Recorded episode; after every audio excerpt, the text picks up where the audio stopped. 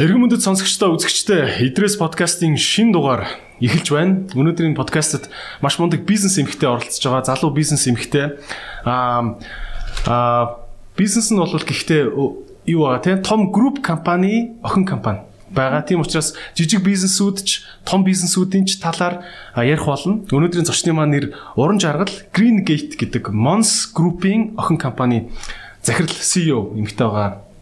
Тэгээд манай үзэгчид мэдэндээ ер нь бол эмгтэй зочд ер нь бол бодоо олгоод байгаа шүү дээ тий. За тэгэл өнөөдөр өнөөдөр гоё нээлттэй яриагээ тохирсонд баярлалаа. Баярлалаа орж оролцуулж агаад.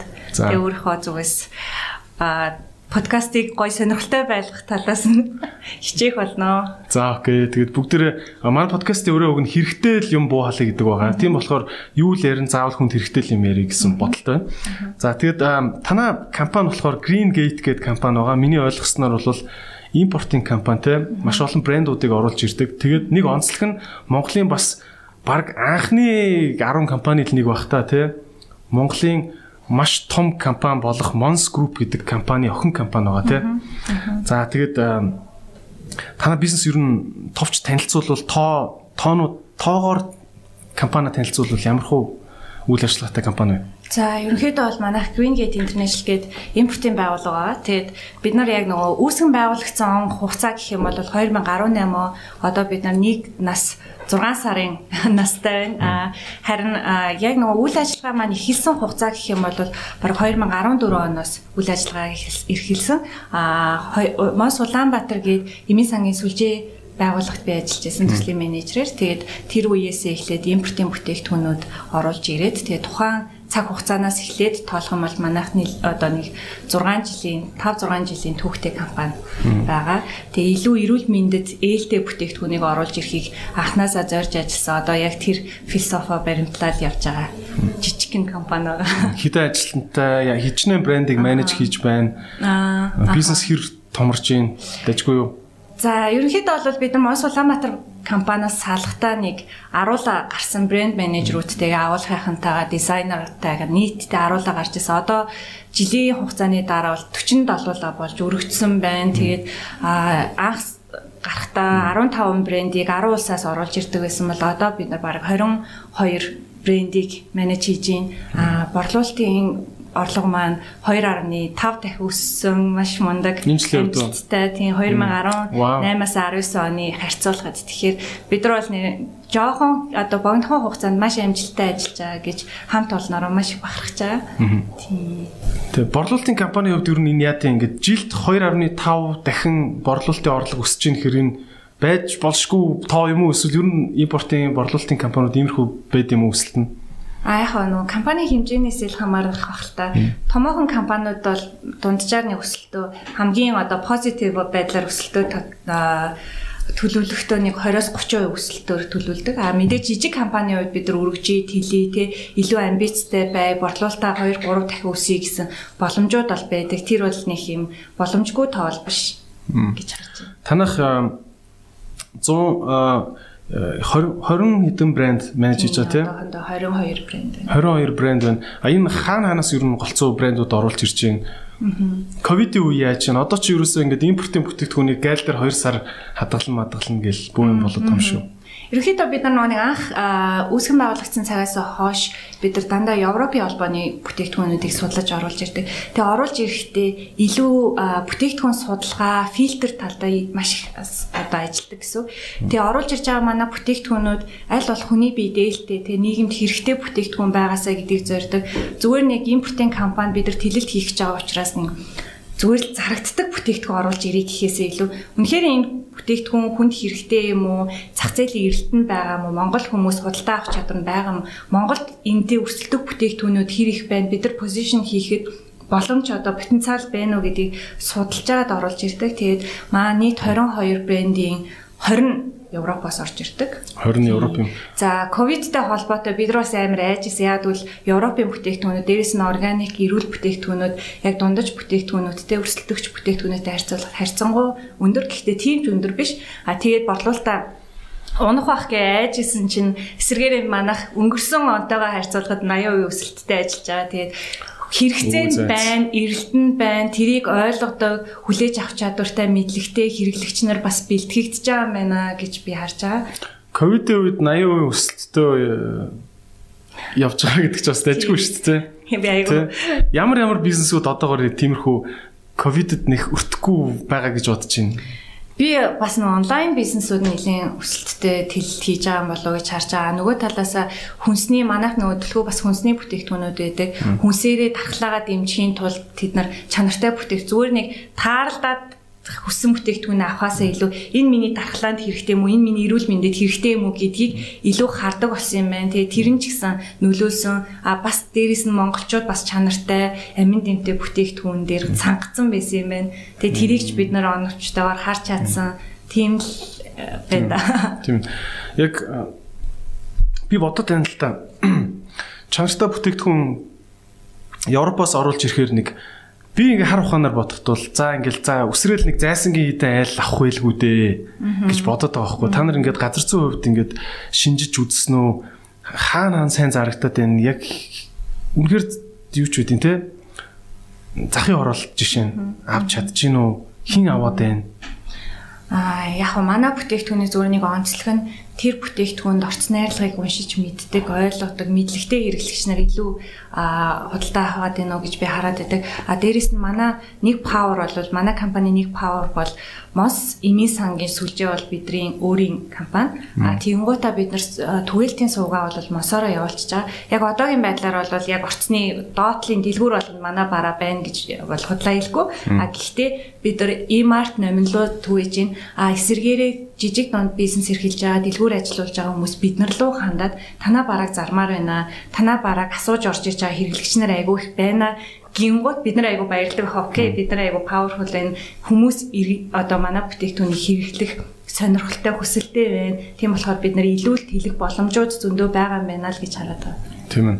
Одоо тэгээд жишээ нь Монсын салбарууд бол өчнөө олон салбар байгаа байлгүй дээ, тий. Аль аль дүүрэгт нь жишээ нь тий одоо нөө төрний миний хэлсэн шиг хаан бол дүүрэгт амар борлуулалт өндөртэй байснаа сонгоны хараханд жоохон багасдаг ч юм уу. Тиймэрхүү манзарагддаг уу? Аа үгүй. Ерөнхийдөө бол Мос ч өөрөө аа Улаанбаатар хотод би яг тоогийн сайн мэдгүй. Гэхдээ Улаанбаатар хотод нэг 100 имийн сантай, орон нутагт нэг 30-аад имийн сантай нийтдээ аа 130 40 имийн сангуудтай. Аа тэгээд тэд нар дээр ч нөгөө type айгу олон янз байдаг хгүй жижигхэн имлэг доторх хэмээн сан эсвэл бол нөгөө нэг худалдааны төв доторх хэмээн сан эсвэл бол илүү драгстор байдалтай нээлттэй хэмээн сан яг тэр том зэ талбайтай хэмээн сангууд нь мосод нэг 35 6 байдаг. Тэгээ тэр салбарууд манай нийт мосоор зарагдаж байгаа бүтээгдэхүүний 80% гэдэг.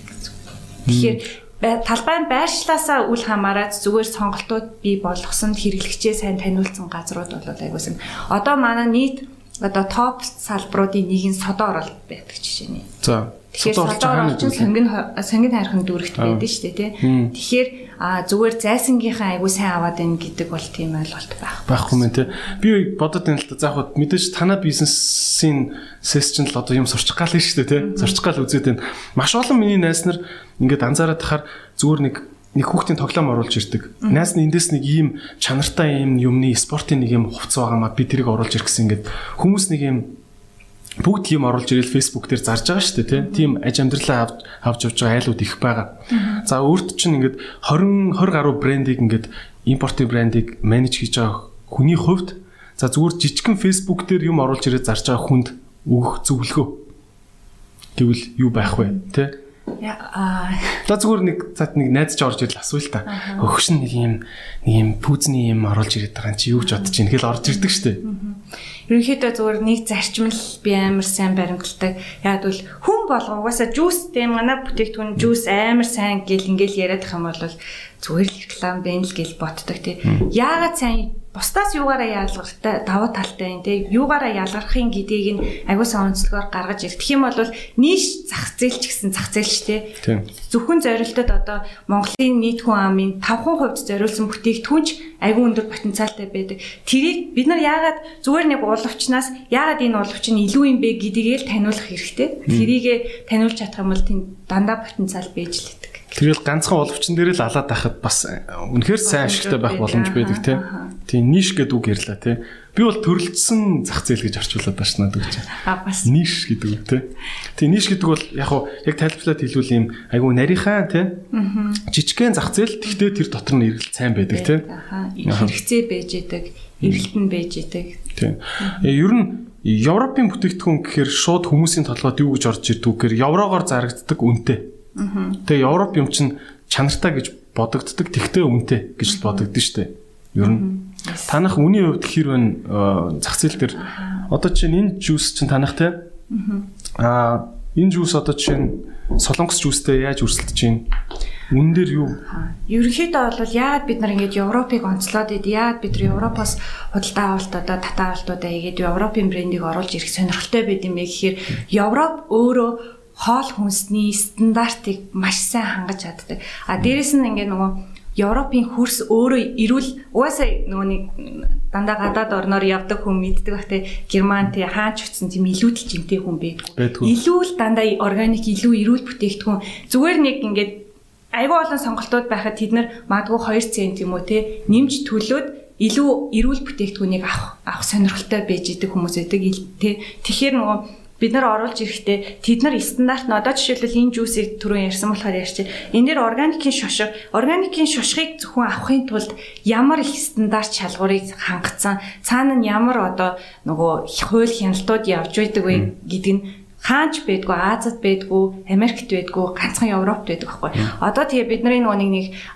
брэндтэйг уулзж исэн чинь Америкт бол бороо хүртэл чи юм уу ордон штэ. Тэгэхээр хөрсөн өөрөө чи юм уу болцсон тэндээс ургаж байгаа ургамал ногоон чи юм уу болцсон гэдэг ч байгаа байхгүй.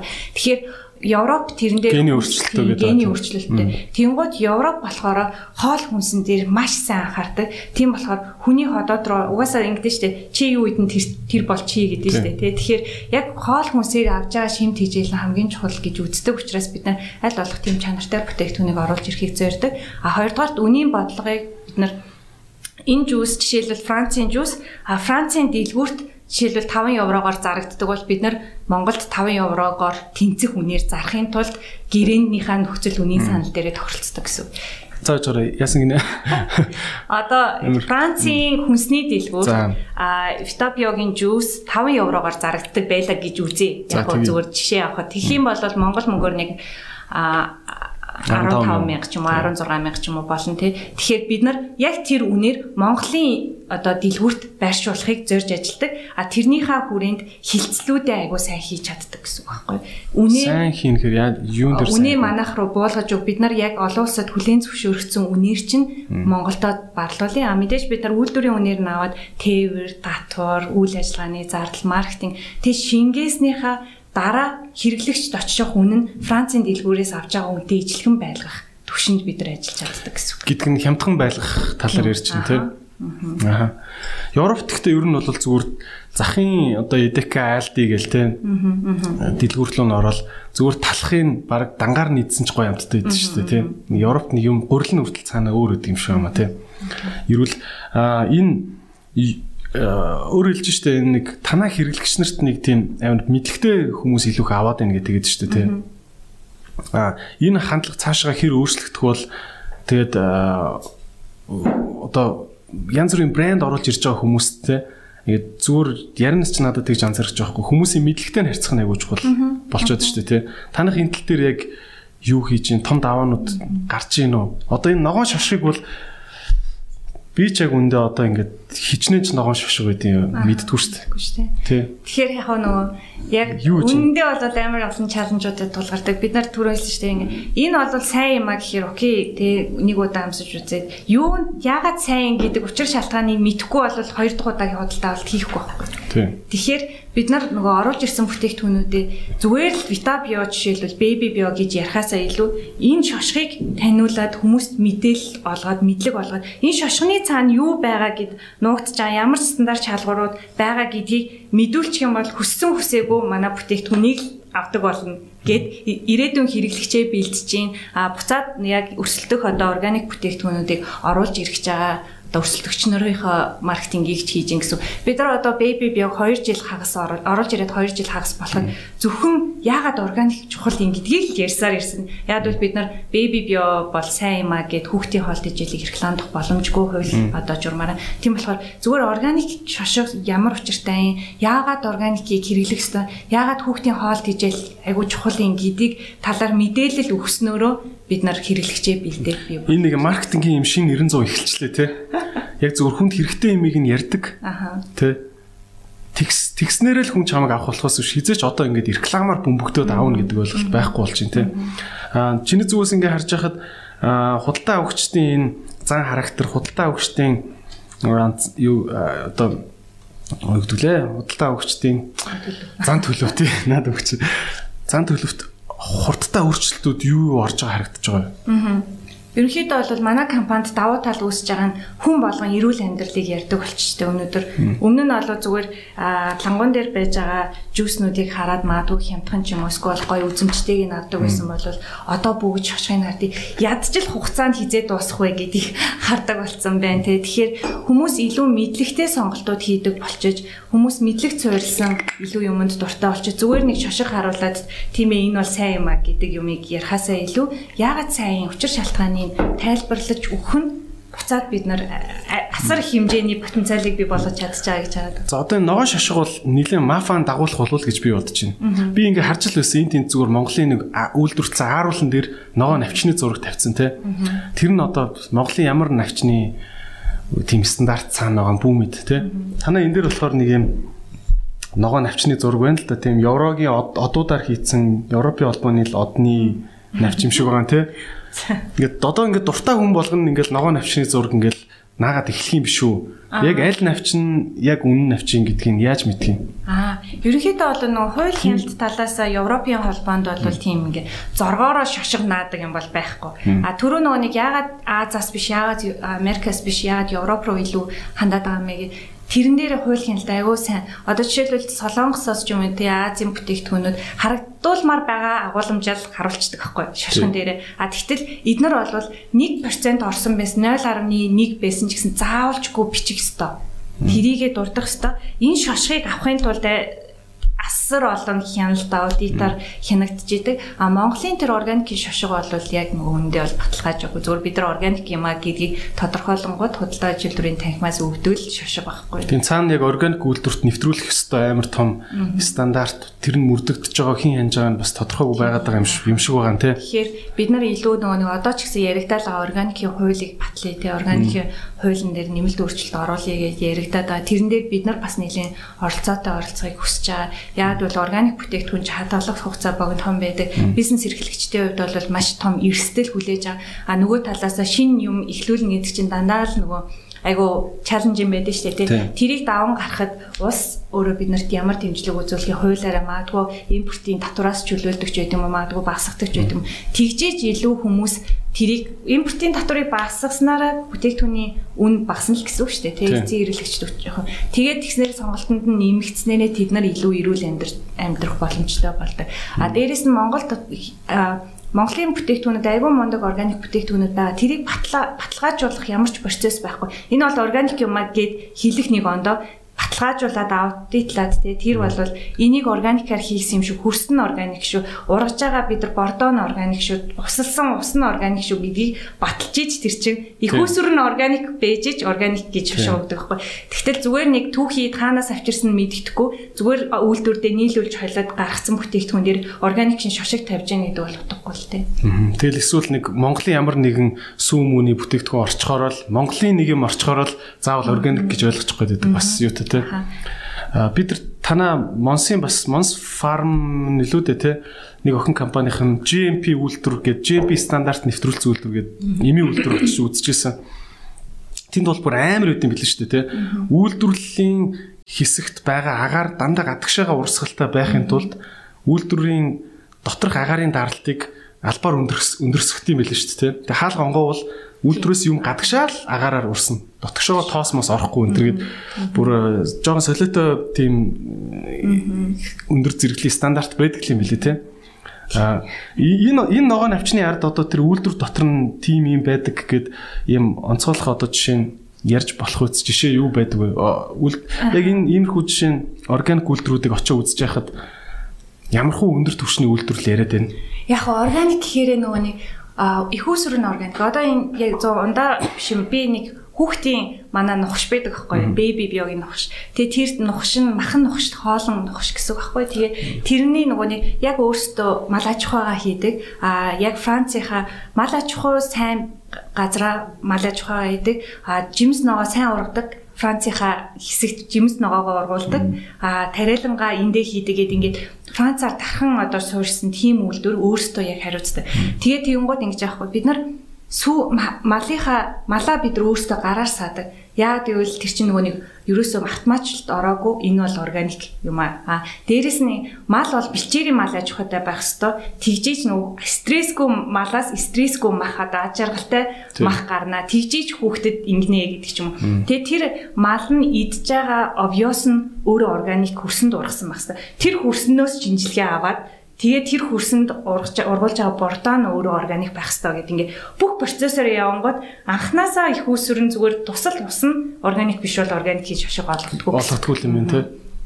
Тэгээ ингээ ярихаар нөгөө айгүй олон юм байдаг. Вау гэж бид нар ингээ нөгөө яг Монголын мал бол айгүй органиклийг өсч идэг тий. Бэлчээрийн мал аж ахуйтай, голоос өөрөө аж аргалтайгаар очиод уучдаг тий. Зүгээр цагаар хоолдгоо. Тэгэд ингээд бэлчээд явж байгаа мал бол айгүй тийм аж аргалтай байдаг. Тэгээ тийм учраас шимт хийжэл нэ айгүй өндөр байдаг тий. Тийм тэгэхээр нөгөө Монгол мал бол айгүй тийм сайн шүү гэдэг чинь тэр утгатай.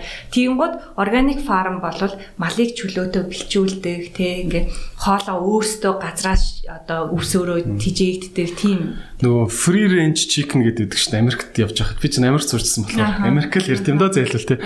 А free range chicken гэдэг нь яасан гэхээр бэлчээрийн дахиа гэж байхгүй дахиаг ингээд юун дотор хориод ахаар тэр чинь нөгөө бас шистэйгээ ойрхон ингээд хайрцаг дотор хоригдоод ахаар чинь айгүйх өвчлөдөг, өвчлөмтгий болчдөг, нөгөө архидтай өгчиг те.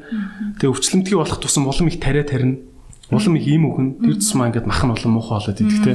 Тэгэхээр заавал ийм агаар сэлхэнд л явж явах хэрэгтэй юм билээ л те. Тийм. Ер нь бол уг үнс нь бол тийм тэр нөгөө нэг мэдээж бид нар нэг happy даач биш те ер нь.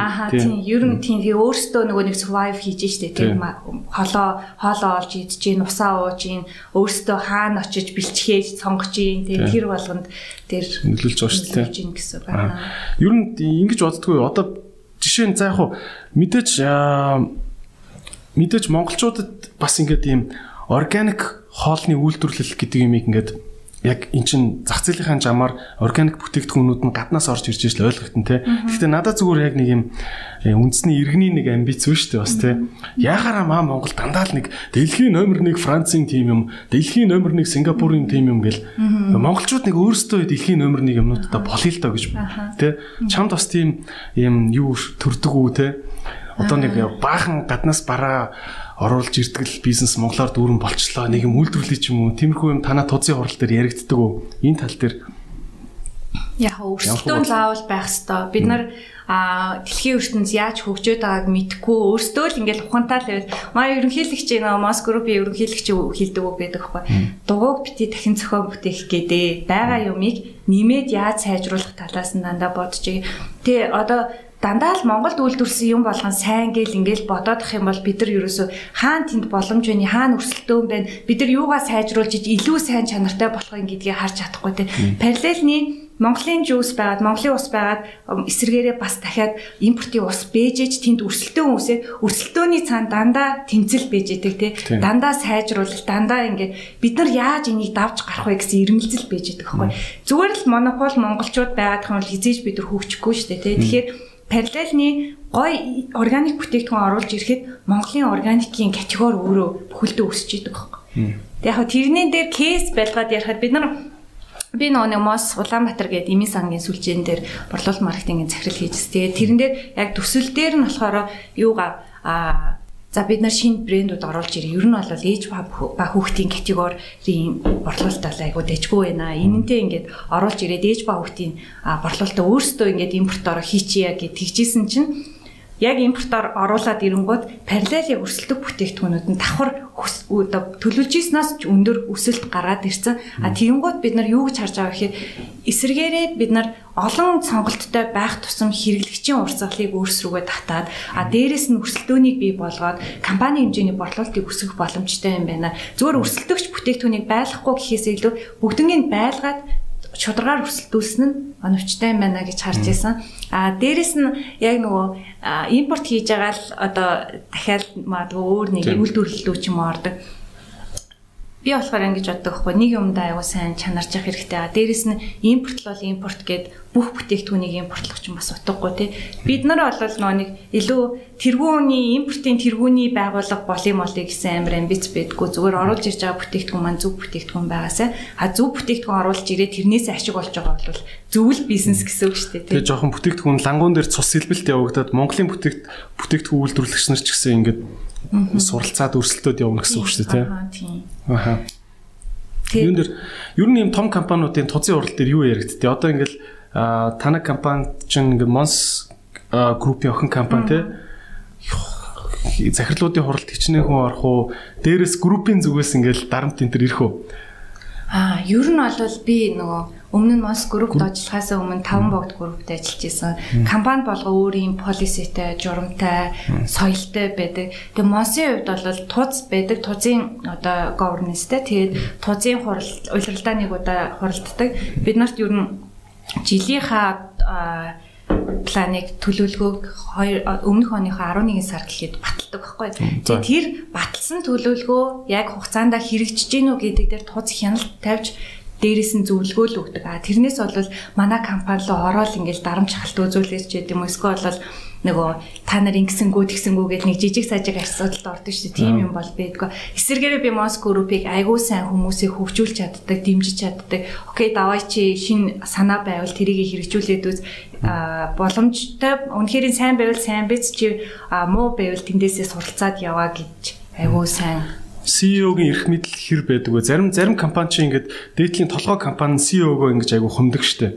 Тэ? Одоо жишээ нь шинээр брэнд оруулж ирэх одоо за юу юу ямар ямар төрлийн шийдвэр дээр жишээ нь заавал одоо групп группийнхаа тууц дээр батлуулдаг ч юм уу тиймэрхүү юм байдаг бай.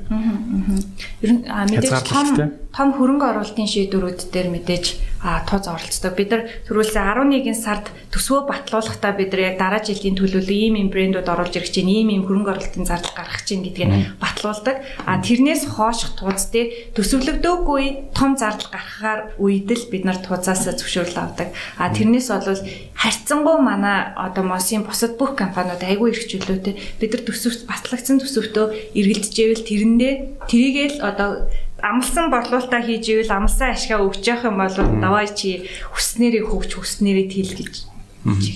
Танах ер нь жилд хичнээн брэнд оруулж ирж байгаа энэ брэндийг оруулж ирнэ гэдэг чинь бас их их урлаг юм шиг байгаа юм л та. Брэнд оруулж ирнэ гэдэг чинь. Тэгээ түр өөр хэллээ шүү дээ. Ингээ мах амир судалгаан дээр анхаардаг энэ төргээд яг хідэн сар судалтын очиж заавал үйлдвэрийг үдчихэж оруулж ирэх үү? Судлан гэхэр юугаа хэлж байна? Аха. Ерөнхийдөө бол нөгөө нэг яг зах зээлийн онцлогоос хамаардаг. Одоо жишээлбэл хятад табоотой харилцаал бид нар нэг юм захиалах гэж байгаа гэж. Окей, окей, тгий тгий тгий гэж айл нөгөө нэг инуусаа өгөөл тэгэл таг авчдаг тийм ингээд хизээ өгөх нь тодорхойгүй. Гэтэл Европын холбооныхон бол судалгаан дээр манай компани хэр чадамжтай энэ компани урт хугацаанд надтай партнер байж чадах юм уу? Энэ манай манай брендийг Монголд одоо яг төлөөлөөд байж чадах юм уу? Манай брендийн нэр хүндэд хэр нөлөөлөх юм? Энэ урт хугацаанд бидний одоо философиг ингээд аваад явах чадвартай компани юм уу гэдгийг айгүй хардаг. Тэгээд судалгаа бол хамгийн багадаа 6 сар явдаг. 6 сар Би Европууд нь танахыг судлаад байна уу эсвэл танах Европоо судлаад тэгж удаад байна уу? Ерөнхийдөө мэдээж цаад компани илүү судална. Гэхдээ би ч гэсэн судалгаа хийдэг. Өнөөдөр бид нар явуулаад за окей Монголын зах зээлийг бид нар сонирхгүй байна гэд хайдаг зөндөө олон брэнд. Тэрийг би үнэхээр хүсэж байгаа юм бол би амар олон аргаар үздэг. Буцаар ярина, заалах нь мессеж чинь WhatsApp-аар холбогдно тий. Тэгэл бүр болохгүй бол завтаа үйч яваад очиж байд юм уу тий. Үнэхээр яваад очиод би компаниа танилцуулахад Муучлаараа үгүй гэдэг компани юусоо бэдгүү. Яг тэгвэл би нөгөө хийж байгаа ажлуудаа харуулдаг. Манай багийнхан ингэдэг ийм философоор ажилдаг гингүүд тэр философт үнэхээр Европынхан айгүй дуртай байдаг. Тэр нь ямар философи гэлээ? Богинохоо хэлвэл Ер нь бол бид нар чанартай байхыг ирмэлцдэг. Дээрээс нь бид нар яг үнэн байхыг ирмэлцдэг. Одоо өгж байгаа мессеж худалдаалж байгаа арга барил маань айгу тийм буруу аргаар гэдэг шүү дээ. Буруу аргаар биш зөв аргаар урт хугацаанд өгөөж өгөх тал дээр ажилладаг гэсэн үг. Та яг э, гэрээ ихэд хамгийн хэцүү байсан брэнд ямар брэнд байсан бэ? Яасан бэ? Захиралтай нь очиж баг пар идсэн үү? Яаж иж гэрээгээ их үү? Яг нөгөө одоо би 3 жил ингээд ярилцаад одоо орж ирэх гэж байгаа нэг брэнд байна. Францын эмчилгээний гоо сайхны Avin гэдэг брэнд. Тэгээ би тэр тэр бол Avin эмчилгээний гоо сайхан гэхээр бас айгүй шинэ ойлголт. Эмчилгээний гоо сайхан гэдэг ойлголтыг анх гаргасан нь Avin гэдэг брэнд гэхгүй. Би өстө сонсож байгаачгүй. Одоо ер нь бол юугийн логогийн харах юм бол бүгд айгүй сайн мэддэг. Avin гэсэн мөн үү? Шүү. Avin гэж бичсэн. Аа нүүрний спреер нь хүмүүс айгүй сайн мэддэг. Duty free болгон дээр байдаг. Одоо нөгөө нэг олон улсын drugstore health and beyond health and beauty салбаруудын хамгийн топ байршилд өргөддөг тийм айгу асар том брэнд гэдэг байхгүй. Тэгээ тэрлүү бичсэн жуучлаараа Монголыг сонирхгүй. Гэт ингээд явсаар агаад одоо орж ирж байна. Одоо орж ирж. Яаж тэгээ оруулч вэ? А ерөнхийдөө бид нар нөгөө маркетингийн төлөвлөлтүүдээ яг зах зээл дээр байршуулахдаа бид нар ямар стратегтэй бизнесийн төлөвлөгөө маань юу юм бид нар энэ брендийг оруулж ирснээр буцаад нөгөө брэндэд ямар өгөөжийг бий болгохын Дээрээс нь манай одоо Монголыг жижигхэн зах зээл гэж хараад байдаг. А тэгтэл биднэрт асар том потенциал байж байгаа байхгүй.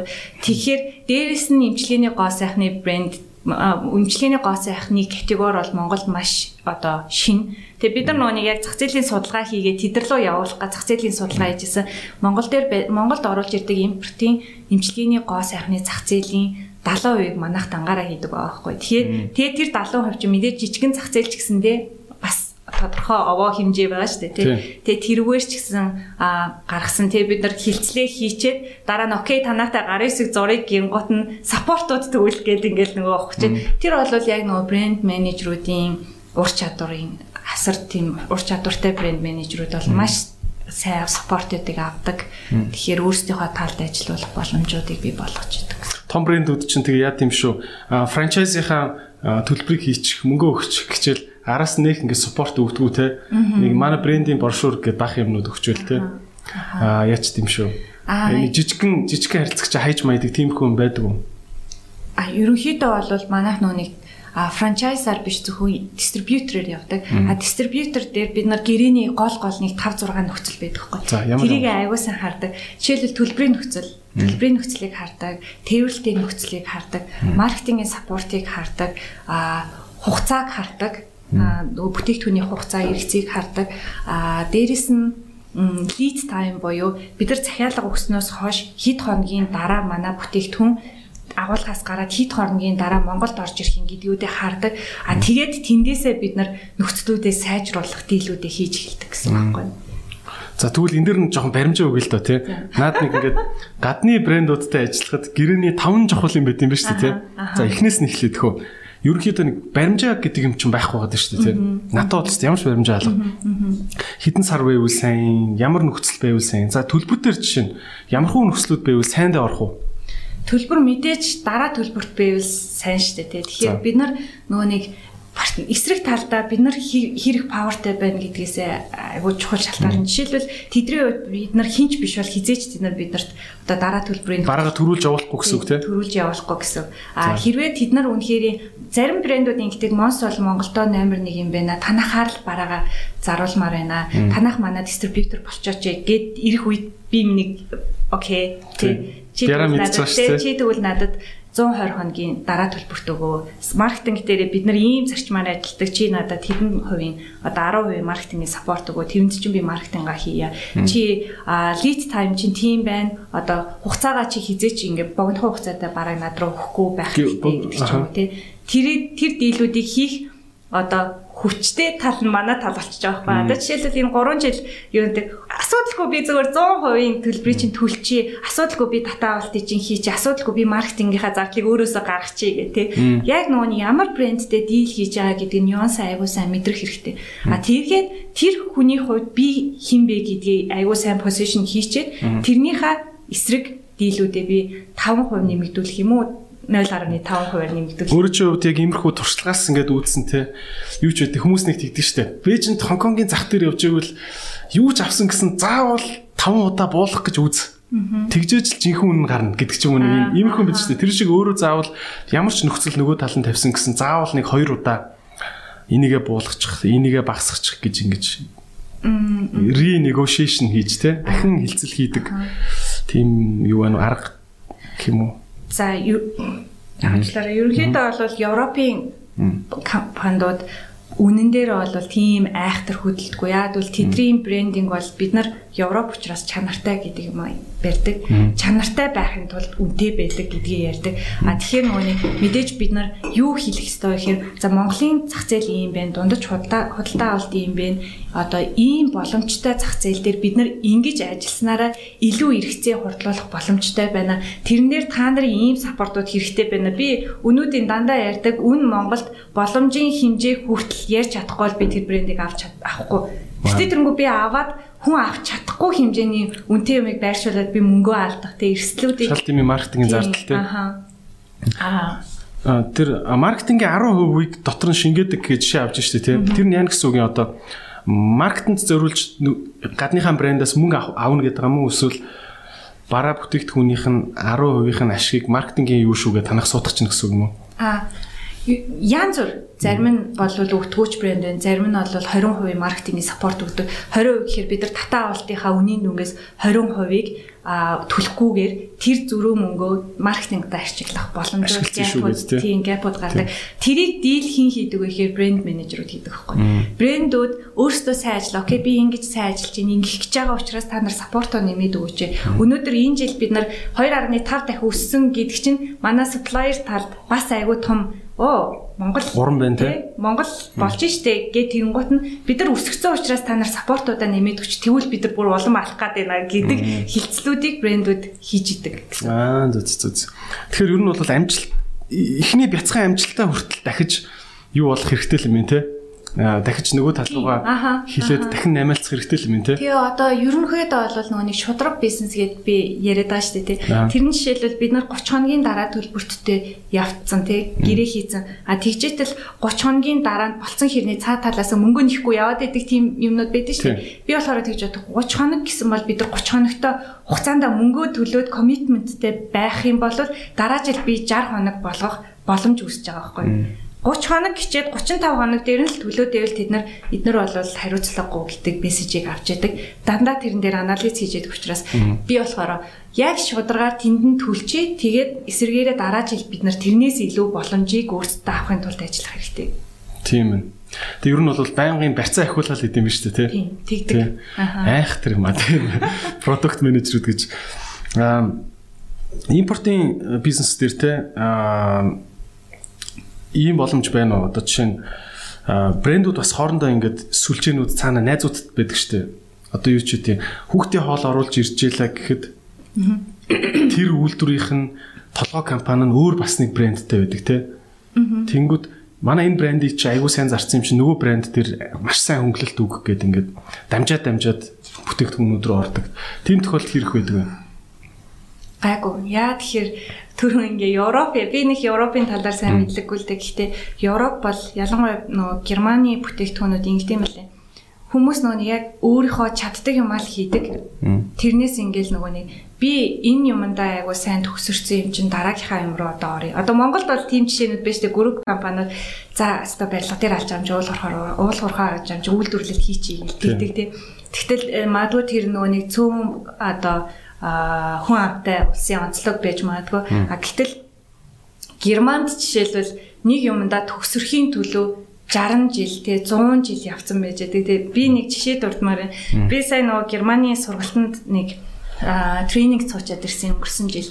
Тэгээ тэгсэн чинь нэг нөгөө нэг тренер нь ерөөсөө Германд ингээ бөглөө үйлдвэрлэдэг хүн болвол тэр бөглөөг асгарахгүй болгодог чанартай байлгадаг бөглөө хийж одоо нөгөө тухайн бөглөөнд доторх бүтээгдэхүүний чанарыг алдагдуулахгүй тулд ямар сайжруулалт хийх вэ гэдгийг ботсоор агаад 120 жил зөвхөн бөглөөгөө хийгээд ирсэн баг. Тэгтэл магадгүй зөвхөн Монгол сэтгэлгүйгээр ботход за бөглөөг окей бөглөө бол айгуу дайггүй явчих шүү. Энэ бөглөөн дээрээ тэгвэл шилийн хийчихье. Шилтэй болчингуудаа за тэгвэл усын тий усын ч гэсэн хийчихьгээд ингээд явах чи өөрөө төгсрөх боломжийг юусэн ингээ хаагдуулаад байдаг. Тэгэхээр герман юмнууд яагаад чанартай байд, Европод яагаад чанартай байдгийг гэхээр тэр хүмүүс талах хийж байгаа бол талхныхаа чанарыг сайжруулахын төлөө л ажилдаг болохоос биш талах хийж агаад за тэгвэл тарилан л орчиг гэж юусоо явдггүй хүмүүс айгу тууштай байснараа амжилтанд хүрдэг хүмүүс юм байна гэж боддоо. Тэгэхээр тийм болохоор манай брэндүүд хөвчлэн Европ тэгэхээр дараагийн брендийн энэ лүү аваар эсвэл энийг авахгүй бол нөгөө хийж өгөхгүй ч юм уу тийм дарамт бол байдаггүй гэсэн. Гайгүй юм те. Аа за юуны одоо энэ эрүүл мэндийн бүтээгдэхүүн гэж ярьж штэ. Би бодоод тань л та. За окей. Хүн болгон л өөр өөрийнхөө санхүүгийн хэмжээнд эрүүлээ мэдчих гээл үзээдэг штэ тий. За одоо чинь аа чиний хувьд яг энэ зах зээл дээр ажилдаг хүний хувьд танаа гэрийн хоол ямар хөө вэ? Чи жишээ нь өөрөө гэртээ юу авдгүү? Хүүхдтэй юу идүүлж чинь? Яг нэг эзэгтэй үднэс Ерөнхийдөө бол нөгөө нэг би ч гэсэн өөрөө эрүүл хоолтын ч юм уу тийм нөгөө мэрэгжлийн бол хоол судлаач ч юм уу биш. Тэгээ яг хуу ажлын туршлагын хувьд л ингээл холбогдсон салбар нь эрүүл хоолтой, эрүүл мэндтэй холбогдсон. Тэгээд ирэхэр хүн яг нэг өөрөө ажилдаг учраас айгүй сайн судалж мэддэг болчих юм бэл мэдлэгтэй болчих юм бэлээ. Оо органик чинь айгүй чухал юм байна. Тэгээд бид нар зүгээр нэг 1000 төгрөгийн одоо жуус авч хаар 1200 төгрөг 200 value added те 200 төгрөг илүү төлснөөхөө төлөө ийм одоо боломжийг одоо эрүүл мэндтэй авах боломжтой юм биш тий гэдгийг анхаардаг. А нөгөө талаасаа би манай компанид аягүй олон брэндүүд байдаг учраас би өөр юм авах юм бол гимт хэрэг хийж байгаа шиг санагддаг байхгүй өөрөө. Тэгээ тийм болохоор нөгөө дандаа өөрийнхөө бүтээгдэхүүнүүдийг хэрэгэлдэг. А манай хүүхдүүд жишээлбэл baby биог өдөрт ядаж нэг baby биог энэ ухаж хүчих юмсан. Өдөрт авах хэвээр аминд юм хүчих юмсан. Тэр тэрнгөө би амар busy mom тий хүүхдүүдтэй анхаарал тавьж чаддггүй Тийм болохоор ядаж өдөрт би ингээд чад миний чадах юм ядаж хоол хүнсээрээ дамжуулаад витамин нөгчих юмсан. Тэгээ тэр хүн ийм уух хэмжээнд хүртлээ явахгүй эрүүл хүнсээр дамжуулаад өөрийнхөө дархлааг дэмжих боломжийг л манай бүтээгдэхүүнүүд олгож идэг. Одоо жишээ нь за за тэгвэл хоёул зүгээр амар галтгууны юм ярил л да тий. За за хүүхд хүүхдүүд гэсэн тий. Олон олон хүүхдтэй нөө хэдэн хүүхдтэй? Хоёр хүүхдтэй. За хоёр хүүхдийн ээж тий. За хоёр хүүхдийн ээжийн хувьд хүүхдтэй яг одоо хүүхдийнхаа ингээд нэг 7 хоногийн хоолыг ярий заяа. Юу юу өгч чинь? Бант хийж өгч чинь үү? Яаж яг юу идүүлж чинь хүүхдтэй? За яг нэг үеийн хорж ийн үү яаж айгу тийм сайн ээж бол биш ээж байж чаддгүй тэгээ тэрэндээ бүр дандаа гимшиж явдаг. Яг бол нөө өглөө гараад орой очдог тэгээ амар ядарсан байдаг. Тэгэл хүүхд хардаг маа дүү байдаг. Ерөнхийдөө бол хүн баг олцсон хүнээр нь харуулж энэ карантины үед өмнө нь болохоор сургуульд өгөөл сургуулиасаа өдрөө нөлөөлөхтэй ороод а цэцэрлэгийнх нь бол өглөө хувийн цэцэрлэгт өхөөс өөр аргагүй би хизээч 5 цагт очиод хүүхдээ авч чадахгүй учраас Тэгэл хувийн цэцэрлэг 7 хүртэл байлгадаг. Тэгээ тэрэндээ бол дандаа гимшиж идэг. Тэгэхээр сургууль цэцэрлэгийн үед бол би өдрийн хоол гэдэг юм ярьдггүй. А орой очоод аль болох шим тижэлтэй юм өгдөг. Одоо карантины үед бид нөө манай дээр baby биогийн махан төрлийн хоолнууд байдаг, ногооны нухшнууд байдаг. Тэгээ тэрийг бид нар нэг хэсэг бантанга баяжуулъя гэдэг аян өрнүүлсэн нөгөө тийм компанид ажил өрнүүлсэн. Тэгээ тэр нь бантан зүгээр л яал мах гурил байх хэвээр юм тий.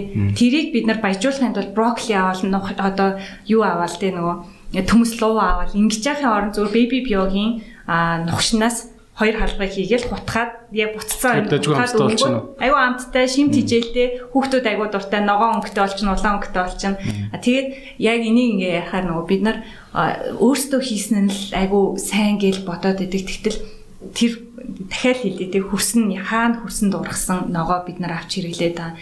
Яг тэр нөгөө их хүүсвэр нь өөрөө тийм аюулгүй баталгаатай байж чадчихэв. Тэгтэл манайх бол үнэхээр баталгаатай би өөрөө амар ихтгэлтэй байдаг учраас хизээч айцгүйгээр HippoCards үг цээжилдэг аппликейшн. Будч тэгэл нэг хүүхдтэй нэг юм шилтэм гаргаж ирэл амруу хийгээл идэм бил л дээ. Би ч бас Европын нэлээ олон орноор явж исэн л та. Гэтэ биогийн бүр халуурал болцсон бил шүү дээ юунд бол Европт ялангуяа Францд би сая штэ дөнгөж оны өмнө Женевт явж исэн. Женевээс нуурынх нь яг нөгөө талд нь ингээд Францын хамгийн өмнөд тосгон гэж байгаа байхгүй тий. Швейцартай хэлдэг. Тинчээ ингээд юм био одоо одоо манайхаар бол одоо номин супермаркет миний дэлгүүр юм уу да. Тэр шиг фрайс үлөө фриас үлөө нэг тийм нэртэй. Би андуураад байна уу? За Францд амьдардаг хүмүүс sorry. Ийм био бүр супермаркет гарсан байлээ шүү дээ. Дотор нь байгаа зүгээр бүх юм нь био. Тэгээ тэнд бол ерөөсө хэдэн мянган төрлийн юм байгаад байгаа юм би тэ. Тэгэд тэр дэлгүүр дэлгүүрийн сүлжээ тэгжээлээ. Зөвхөн одоо энэ Францын өмнөд хэсгээс яагаад жилийн дотор 50 салбар энэ төр улстай яриа нэмж барина. Зүгээр жилд шүү дээ. Био супермаркет тэгж амар Европт томорчлоо юм билээ л тэ.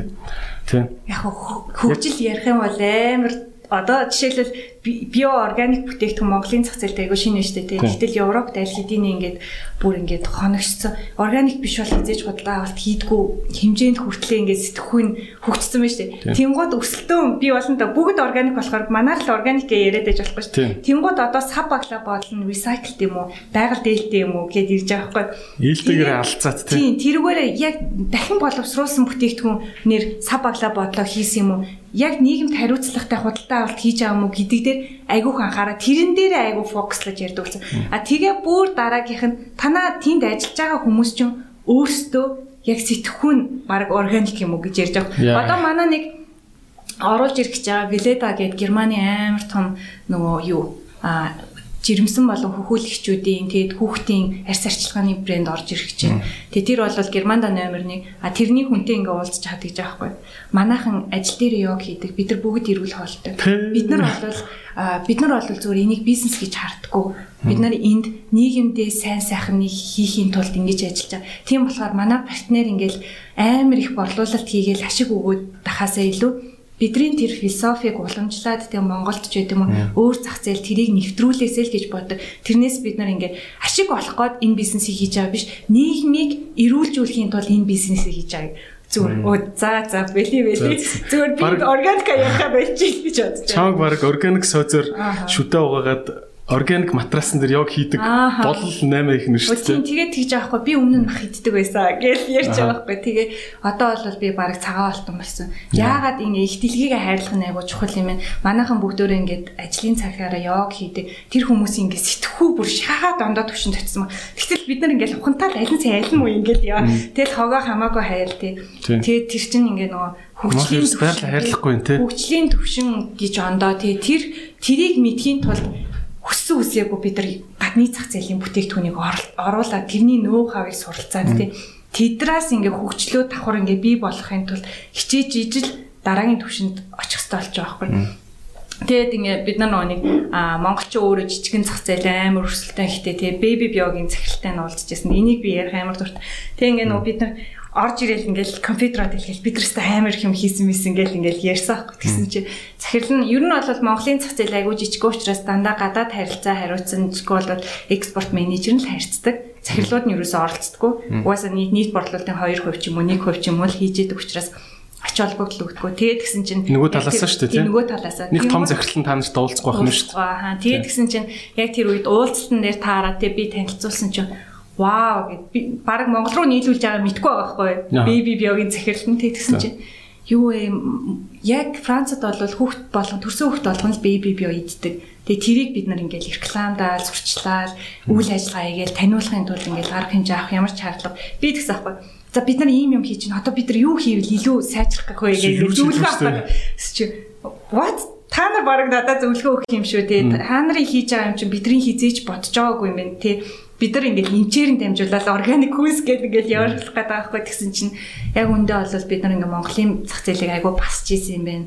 Айгуу жижигэн ингээд ингээд орхигдуулж ийсэн юм байна. Тэгтэл ингээд айгуу өндөр потенциалтай байна. Тэгээ та нарын ингээд сэтгхүү бол бас айгуу өндөр түвшинд хөгжсөн байна гэж харж байгаа. Тэгэхээр ингээд нөгөө заримдаа ингээд аль хэдийн mature болцсон зах зээл дээр тэд нар юу ч хийхгүй байсан ч тэрхтээ тэрнгөө эргэлтэнд бэж яадаг тий. Хэрэглэгчд нь өөрсдөө бүр гэгэрсэн нөхдөд гарчин тий. Тийм. Тэгтэл бид нар тэрийг таниулахын тулд энэ өсөлтөнд донд ялахын тулд жижигхэн 2 сая иргэндээ одоо 3 сая иргэнийхээ нэг 5% нь хүрхийн тулд биднээс даалж байгаа шүү дээ. Тийм тий.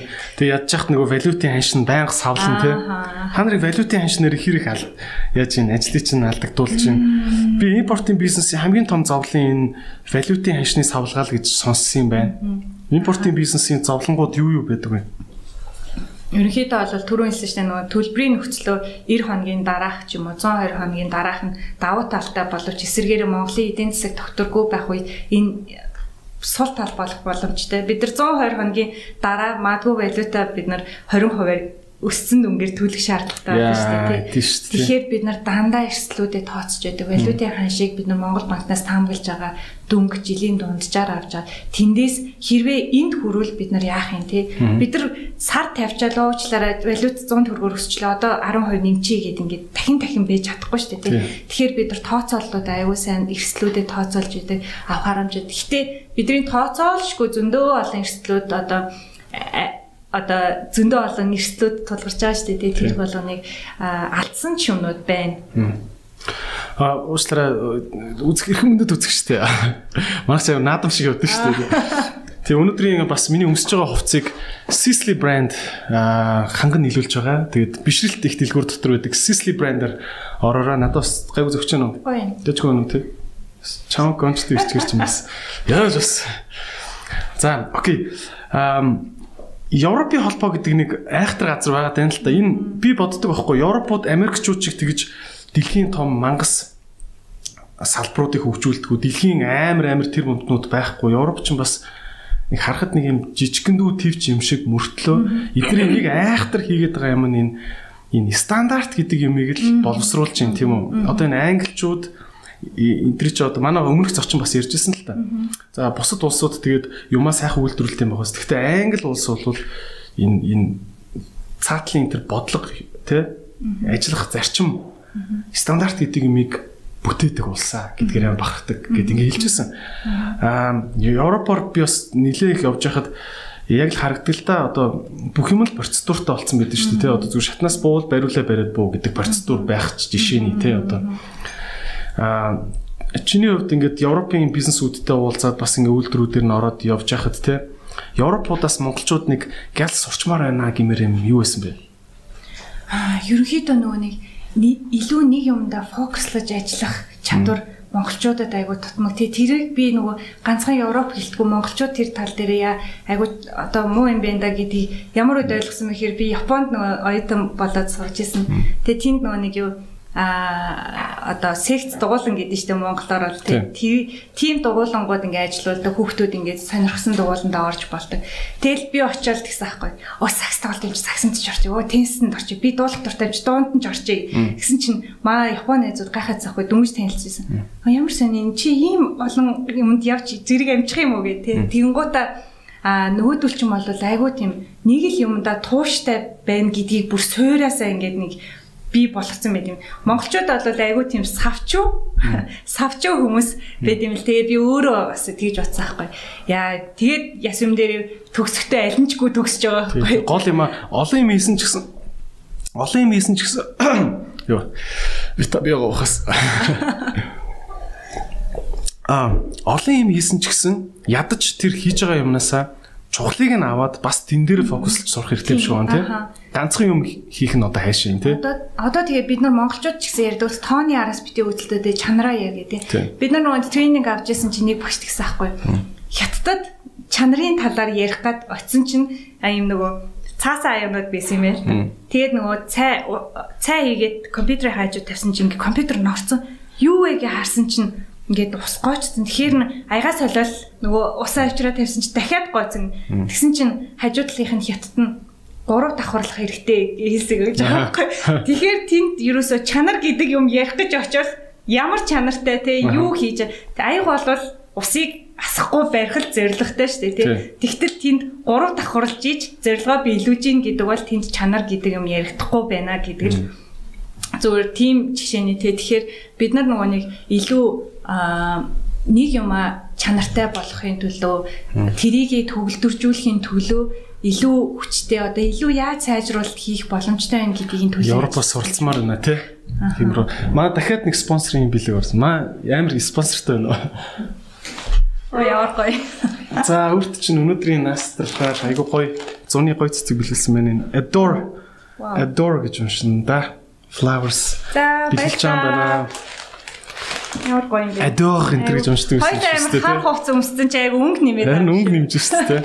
Наа чи айгу органик цэцэг шиг байдаг шүү бас яг юм. Органик цэцгээ. Хөрсөн органик байсан уу? ус нь органик үү те. Ааха. Эндэгт айгу органик сэтгэлтэй хүмүүс баглсан цэцэг баха гэж бодож байна. Аа за ер нь компаниг удирч байгаа 47 ажилтнтай компани удирдах явж байгаа. Өөрөө бас өмнө 5 богд групп группт ажиллаж байсан те. Ингээд том бусад захирлуудаасаа суралцж гин үү. Одоо жишээ нь Mons групп өөрийг өөрийг тань CEO хүний хувьд хөгжихөд нь яаж тусалж гин? А өөрөө сүүлийн үед яг нэг CEO хүнийхээ хувьд ухаарсан удирдлагын ухаан те. Түү энэ энийг л хэвээр эртгэн сурдаг байжтэй гэмээр. Тиймэрхүү юмнууд те. Юуг ухаарч сурч авбаа Яг би бол нэг айгүй олон компанид амжиж ажиллаагүй 5 богдод ажиллаж исэн, мос группт ажиллаж исэн баггүй. Тэгэхээр хоёулаа группийн бүтцтэй том одоо Монголын тэргүүлэх компаниудын компаниуд тэгээд удирдах арга барил компаниудын соёл айгүй ондоо байдаг. Тэгээд тэр нь ажилчдуудын сэтгэл ханамж одоо ажиллах урам зориг тэгээд тэрийг өөрийгөө хөгжүүлэх сэдлийг төрүүлж идэг гэж боддог нөгөө компанийнхаа соёлоос хамаар. Тэгээд би болохоор айгүй чанга гарын доор хүмүүжсэн. Тэгээд би одоо айгүй зөөлөн захирлын доор ч гэсэн ажиллаж үтсэн. Тэр хоёр хоёлаа л одоо даваа султалтай тий. Чангалаад ах тусам шүүсээ гаргуулад ингээд хичээдэг үе байдаг. Зарим үед нэг өдөр шантрах үе байдаг тий. А зөөлн нь бол за окей ингээд нөгөө зарим хуцалдгоо тий. Ингээд нөгөө чи ингэхгүй ингэхгүй ингээд тэгдгүү. Тэгээд тэгэхээр би дандаа нөгөө нэг ер нь л ингэж боддог байхгүй. Маа CEO өста ингэсэн болол бүр гоё ахгүй гэл ингээл хамаг бурууга CEO-доо ингээл тогтчихгоо л идэг гэсэн чинь өөрөө CEO болсон чинь айгүй зовлонгуудын бүгднгийн ойлгоо ямар ямар зовлонгууд байд юм бэ? Ер нь бол CEO айгүй мундаг хүн. Одоо мундаг мэдлэг чадвартай гэхээс илүү айгүй хүнийг ойлгож хүний хүнийг хөдөлгөж чаддаг л хүн байх хэрэгтэй. Тэгээ CEO өөрөө бага мэдээж баг удирдах юм чинь өөрөөсөө дандаа чадварлаг хүмүүсээр бага бүрдүүлснээр тэрийг айгуу сайн нөгөө компани амжилттай явуулах хүн саа тэрнээс бол чи бүгдийг мэдээд угаасаа чадахгүй те чи сайн хүнийг ажилуулахын тулд толгойч нь л ажиллаж байгаа. Тэрнээс бол борлуулалтаа нэмэгдүүлэхийн тулд би яах вэ гэж бодхоос илүү борлуулалтын сайн менежерийг ажилдаа сэтгэл ханамжтай ажилуулахын тулд би юу хийх ёстой вэ гэдгийг боддtiin байна л гэж бодсон. Юу бодогдож байна? Нууц жороосоо хуваалцаач. Би ч гэсэн одоо ингээл за одоо манай Hippo Cards гэхэд одоо ингээ 10-аад инженертэй баг байна. Контентын хүмүүстэйг нийлээ 20 хүнтэй баг байна л та. Надад зөвлөгөө өгөөч. CEO-ийн хувьд хүмүүсээ яаж илүү гоё улам хөдөлгөөнтэй байхгүй. Аха. Ерөнхийдөө бол бол би ингэж боддог. Би би ч гэсэн ажилтан байсан, мэрэгчлэн байсан. Би удирдлагын зөндөө одоо хатуу удирдлагын доор ажиллаж үтсэн, зөөлөн удирдлагын доор ажиллаж үтсэн, загнуулж үтсэн, магтуулж үтсэн тийм. Ямар үед би мотивацтай ажилтдаг байлаа гэд дандаа тэгж боддог байхгүй. Би ямар үед ингээд ад жаргалтайгаар ажиллаа хийж ийла тэр хүний оронд өөрийгөө дандаа тавьж үзхийг боддог. Тэгээ тэр хүний асуудлыг ингээд хувьдан тохиолдсон ажил дээр биш юм а гэхэд хувьдан тохиолдсон асуудлыг шийдвэрлснээрээ би компанидаа өгөөж хийж идэх. Тэ тэр хүн ад жаргалтай биш болвол ямар ч бүтээмж гарахгүй бид нар мянга шахаад нэмэхгүй шүү дээ. Тэгэхээр тэр хүмүүсийг ад жаргалтай байлгахын тулд би юу хийх ёстой гэдгийг л Айгуусаа боддог. Тэгж жишээ жишээ нь юу юу хийх вэ? Яаж хүнийг аз жаргалтай байхгүй? Аа бид нар нөгөө яг байгууллагад нэг жил гарангийн хугацаа өнгөрсөн гэсэн чинь эхний жилд бол бид нар бүсээ амар чангалсан. А би компани яг нөө үнэн утгаар нь удирдах үзээг учраас санхүү ямар явдیں۔ тий бид нар хаанаас ашгаа хийдیں۔ хаан зардлаа хэмнэх боломжтой хаана бид нар өгөөчтэй ажиллах боломжтой гэдгийг харж чаддгүй байжгаад компани байгууллагуудаа окей бид нар гоё гоё ажиллана шүү гэхээсээ илүү айгүй болгоомжтой ажилласан байхгүй. Тэгээд ирэхээр хүмүүс айгүй нөө нэг ингээд за одоогийн залуучууд чи айгүй ондоо бид нар бол нөгөө ингэдэг байсан байхгүй. Цалин өндөртэй газар л ажиллачий тий. Юу ч хамаагүй гэж боддог байсан чинь нөхцөл байдал айгүй ондоо болсон. Ажлын орчин ямар юм тий тэр ажлаас бид нар юу суралцах юм? Энд ажилласнараа бид нар дараагийн ямар шатанд хүрэх ёстой юм те өөрсдөөсөө компаниас хүлээх хүлээлт нь юу юм? Аа тэгээд дээрэс нь бид нар ингээд хэр хөгжүүлэх юм гэдэг талаас нь хардаг. Наа чи өстө хамгийн гол юм шиг байгаа те. Тийм. Ажилчдын хамгийн хүсдэг юм нь намайг захирал маань яаж хөгжүүлэх юм гэдэг ингээд идэм билээ те. Тэгээд яг үндэ бид нар 2019 онд бол би тэрийг хийж чадаагүй. Манай багийнхан бол маш сайн ажилласан. Би ч уучраа болохыг хичээсэн. Багийнхан маань ч гэсэн уучраа болохыг хичээсэн. Тэгээ би яг тузаар нөгөө төсөө батлуулдаг гэсэн шүү дээ. Тэгээ би 2018 19 оны 3 дугаар улирал бид нар дараа жилийнхаа төсвийг батлуулдаг. Тэрэн дээрээ би 3 юм барьж орсон. Би ажилчдаа хөгжүүлнэ, сургалтаар хангана А хоёрдугаар би ажлын орчноо сайжруулна. А гуравдугаар би ажилчдынхаа цалин хөлс болон нийгмийн халамжин дээр нь эрүүл мэндийн үйлчлэг байд юм уу те нийгмийн талаас нь бүх асуудлын одоо бүх жоох тодорхой энэ гурван асуудлыг бол шийднэ. Энийний хүрээнд гарах зардал энэ байна. Энийгээ батлуулж авъя гэдгсэн. Тэгээ тэрийгэ батлуулж чадсан. Тэгээ би ер нь бол нүүр бардам хилдэг. Манай офис бол баг Монголд байхгүй гоё офис. Тийм. Орж үзсэн. Дараа нь ирээд хаана гэдэг нь офис чи? Манай хурцаанд байдаг. Доороо байна те. Офис тэгээд а манайхан те бид нар нөгөө Pearl юу юм бэ те? Pearl Tower 13 дахь хамгийн дээд тахаа. Тэгээ бид нар тэрийгэ яаж гаргасан бэ гэхээр ерөнхийдөө илүү нөгөө ажилчдынхаа оролцоог бий болох. Өмнө нь болохоор дандаа ингэдэг байсан баггүй яг а ихэнхдээ ажиглагдчих байхаар дээрээс нэг удирдлагаас борлуулалт өгөөл тэ төлөвлөгөө өгөөл. Тийм. Скол за бид нар энэний төлөө зорж ажиллая шүү гэл ингэ зорилтууд ямар ч шалтгаанаар бид нар энэний төлөө зорж ажиллах юм ямар арга замаар очих юм бэ гэдэг гаргалгааг нь ярилцгүйгээр эсвэл тэр ажилтан өөрөө өөр бодолтой компани ингэж хөгжүүлэх юмсан гэдэг бодлыг нь ойлгохгүйгээр зүгээр л нэг дээрээс тэ нэг дээрээс хараад за яг та нар ингэ шүү гэд хасаа илүү ажилчдын энд манай дээр үйлчлэгч хийж байгаа хүн компани ямараар хараад байгаа тий ямар компанид ажиллаж ин гэж бодоод байгаа компани ямар болоосоо гэж хүсэж байгаа гэдгийг нь сонсохын тулд бид нар ингэ түрүү жилийн 10 сард бид нар компас гэдэг луужин гэдэг хөтөлбөр зохион байгуулсан. Тэгээ тэн дээрээ бид нар SWOT анализа хийгээд агуулгын үйл ажиллагааны SWOT анализ юм те манай дээр агуулга дээр юу алдагдаад энэ дутагдаад энэ боломжууд нь юу эрсдэлүүд бүгд ажил бүгдээр юу? Бүгд орсон бүх ганцхан агуулгын юм бүрслэгч мөрслэгч шамаагүй бүгдөө оролцоод тэгээд борлуулалт нь яаж ин хүний нөөц нь яаж ин санхүү нь яаж ин тэгээ хамгийн сүүлд нь бид нар нөгөө гурван багт угаасаа хуваагдаад воркшоп хийжсэн. Гурван багта bottom цаас өгөөд мөрөөдлийн офисоо зур угаасаа бид нар нөгөө нэг офисоо солих цаг нь болцсон багтгааж болцсон. Мөрөөдлийн офисоо зур авъя гэд. Тэгээд тэгсэн чинь би болохоор анханасаа л ингэж боддог гэсэн байхгүй. Санхүүгийнхан бол тусдаа өрөн чимээгүй суух хэвээр гэж боддог гэсэн байхгүй. Тэгсэн чинь манай санхүүгийнхний багаас гарсан санал нь ажилчдаа ингээ нийтдээ том заланд суумаар байна. Яг бол бидний мэдээлэл солилцоо айгу сайжирч байна. А дээрэс нь хамт олонны уур амьсгал сайжирч байна. А тэгээд энд чинь ингээ жишээлбэл хоёр борлуулалтын менежер хоорондоо ярьж байхдаа цөмөрөө ийм юм хийшүү гэхэд манай нэгтлэн гэж боддог жаахгүй. За одоо ийм зардал гарах юм байна. Би энийгээ төлөвлөх хэрэгтэй юм байна гэж боддог гэж байгаа.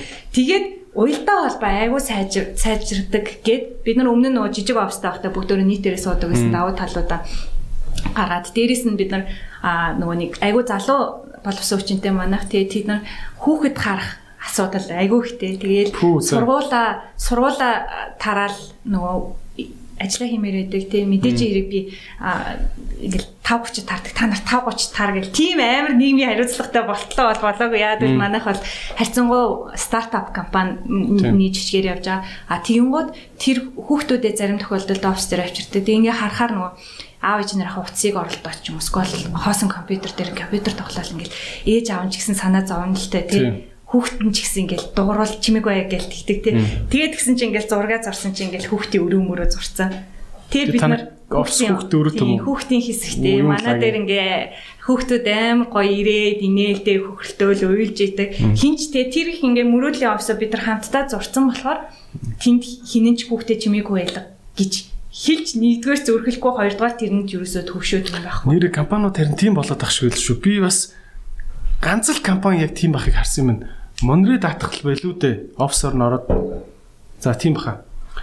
Аа тэг тэг санаж байна. Юу н буландаа юм хүүхдийн өрөө тустай аа дуу нэвтэрдгүү. Хантай гэхдээ шилэн хантай хараа суужиж болдог. Тийм хүүхдээ өрөө мөрөө гаргацсан байт юм лээ. Яг манай офс бол харьцангуй жижигэн л дээ. Тэгээ нэг юм жижигхэн буланг ерөнхийдөө нэг иймэрхүү буланг тогтчулсан. Тэгээ тэр хэсэг манай хамгийн өнгөлөг, хамгийн энерги өгдөг, хамгийн аж аргалтай хэсэг гэдэг. Мэдээж өдрө болгон хүүхдүүд ингээд бужигнаад байхгүй тий. А тэгээд хүүхдүүд үед бол аваад ирчихвэ тий. Аваад ирдэг. Тэгээд ажилчтаасаа асуухад ч гэсэн ерөнхийдөө нөгөө хүүхд харах хүнгүй яана гэдэг айц байхгүйгээр ажилдаа ирэх нь хамгийн ажиргалтай. А дээрэс нь залуучууд ажилдаг бид нар заримдаа илүү цагаарч ажиллах тохиолдол байдаг. Тэгээ амралтын хэсэг байдаг. Маа офисын таа зайг өндөр болохоор бид хоёр давхарлцсан. Тэгээ хоёр дугаар давхрын хэсэг дээрээ амралтын хэсэгтээ унтаж амарч болдог. Оо зөө зөө. Био офис юм биш үү тий. Ер нь манай офисоор цочлаад үзэр үнэхээр бүр тэрэндээ би амар барахдаг. Хүн ажиллаж байгаа орчиндөө сэтгэл хангалуун байх ёстой. Тэгээд гэр бүлийн хүн нь ажил одоо гэр бүлийнхаа хүний ажилд бас сэтгэл хангалуун байх ёстой. Хүүхдүүд нь аав ээжийнхээ ажиллаар бахархдаг байх ёстой. Тэгжиж би хүний нөөцөө доктортой авч үлдчихэж байгаа байхгүй. Гэхдээ ядаж нэг өдөр гарыг гээд сонирм уурлаад очлоо гэхэд нөхөр нь ядаж те ихнэр нь ч юм уу за нэг очроо олоод нэг зарахтайгаа яриад үзчихээч гэ танай компани илүүс яа штэ те танай талд орно штэ.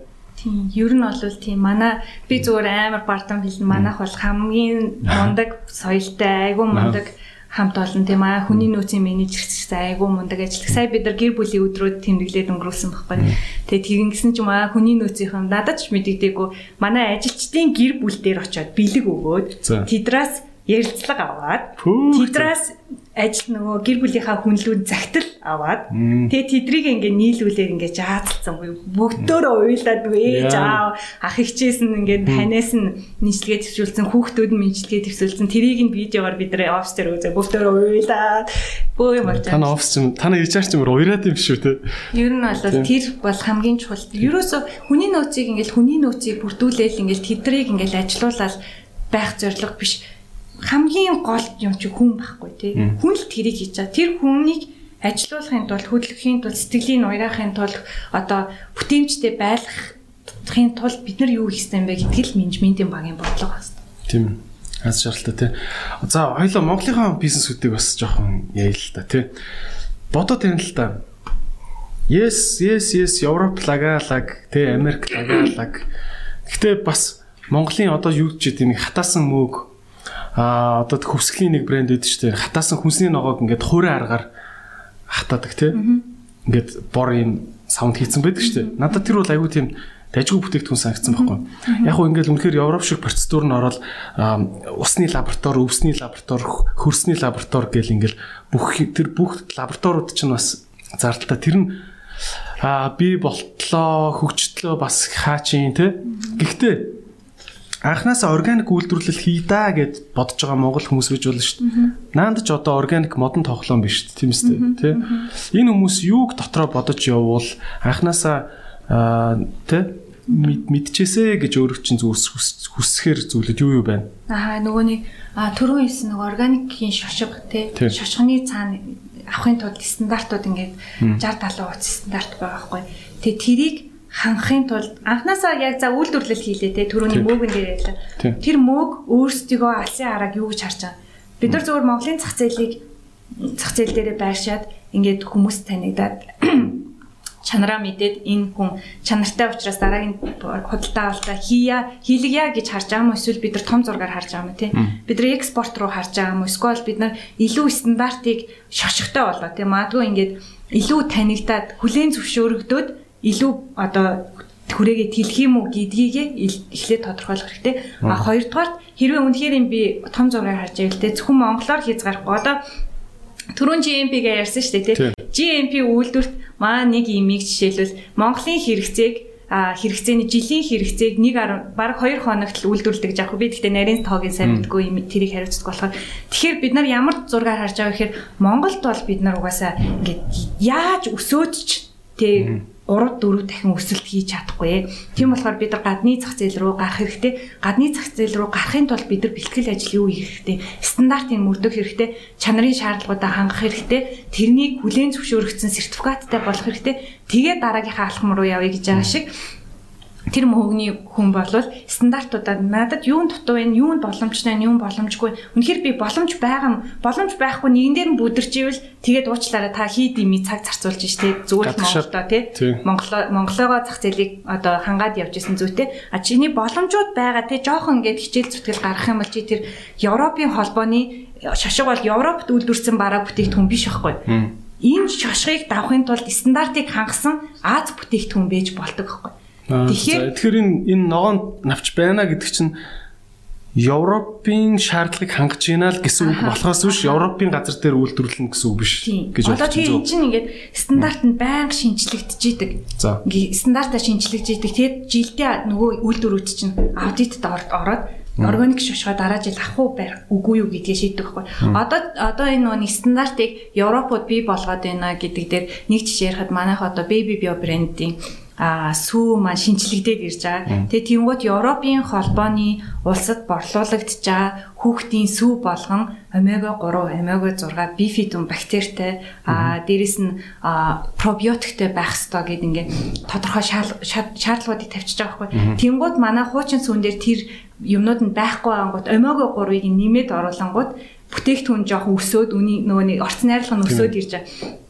Тэгээ тэрийг бид нар ингээд а ингээд сайжирсан байгаа шүү гэд танилцуулах гэхээр Монголын хууль эрх зүйн орчноор хүүхдийн 0-2 насны хүүхдийн хоол хүнсийг рекламдах боломжгүй одоо рекламдаж болтгүй байхгүй. Хуулиараа болохгүй. Хуулиараа болохгүй.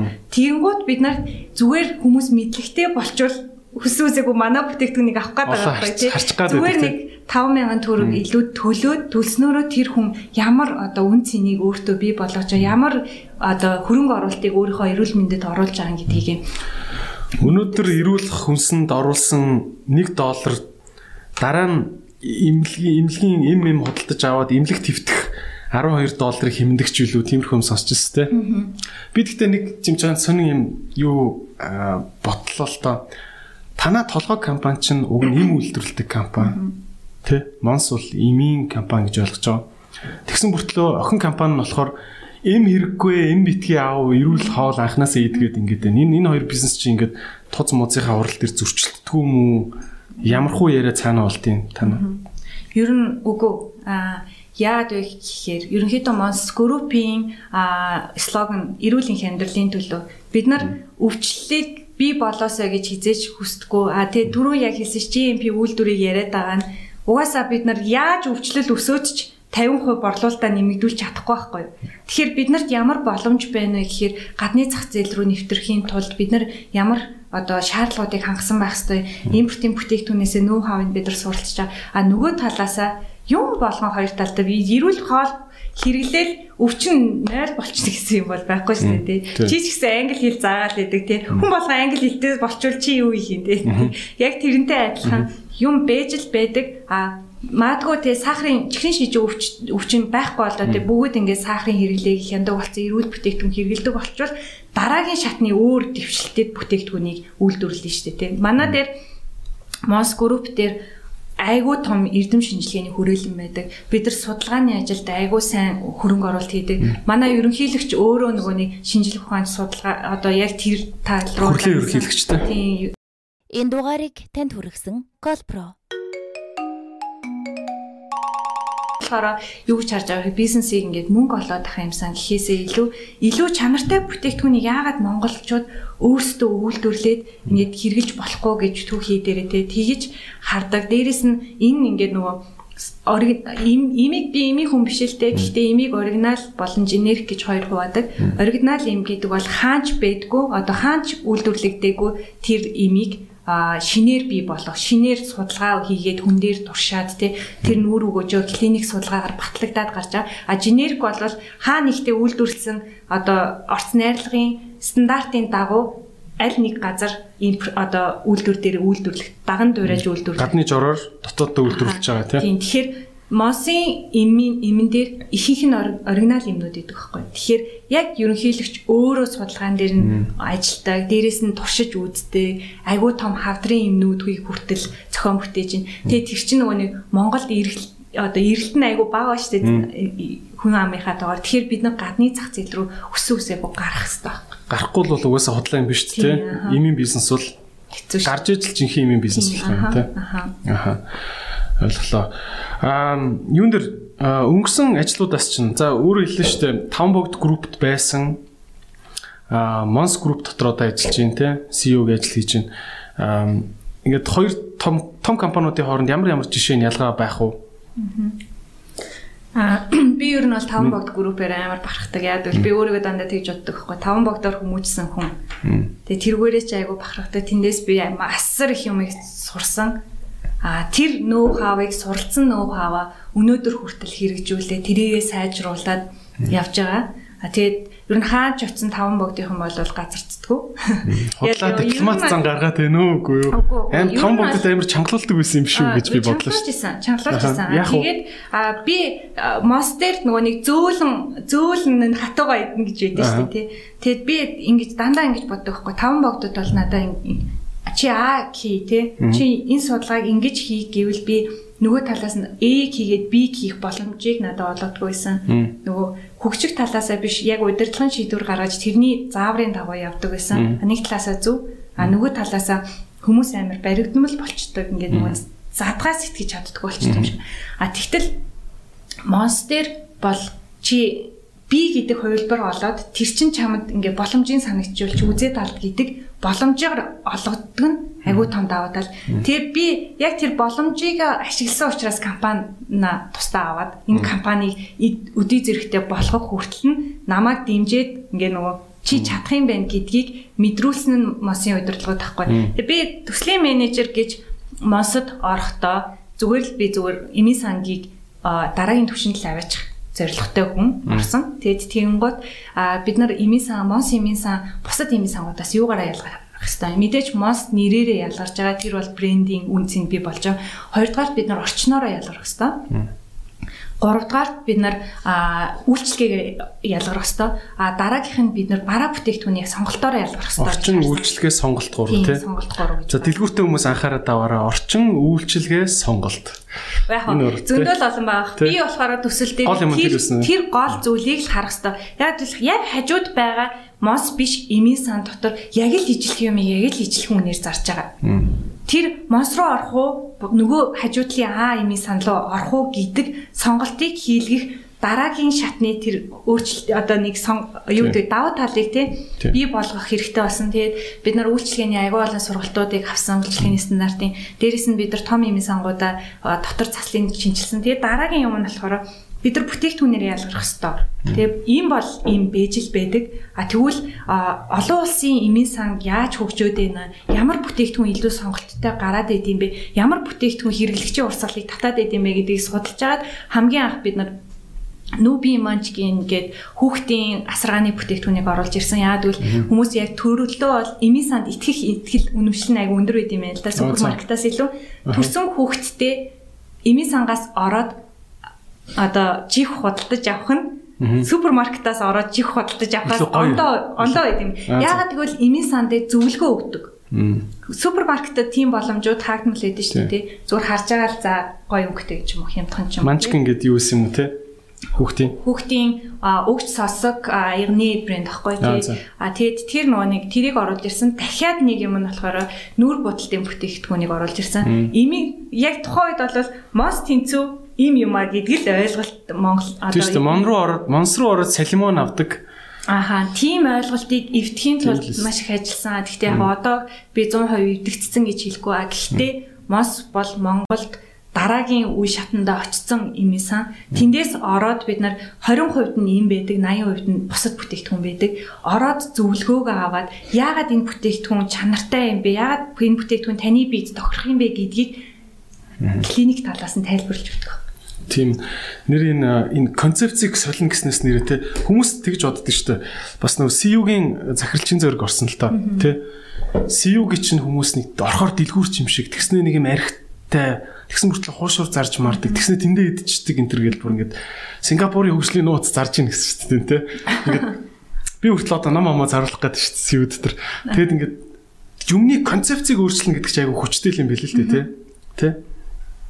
А одоо энэ Америкийн CVS CVS энэ чинь те бас монстой адилхан л юу үстэй ими самстэй те.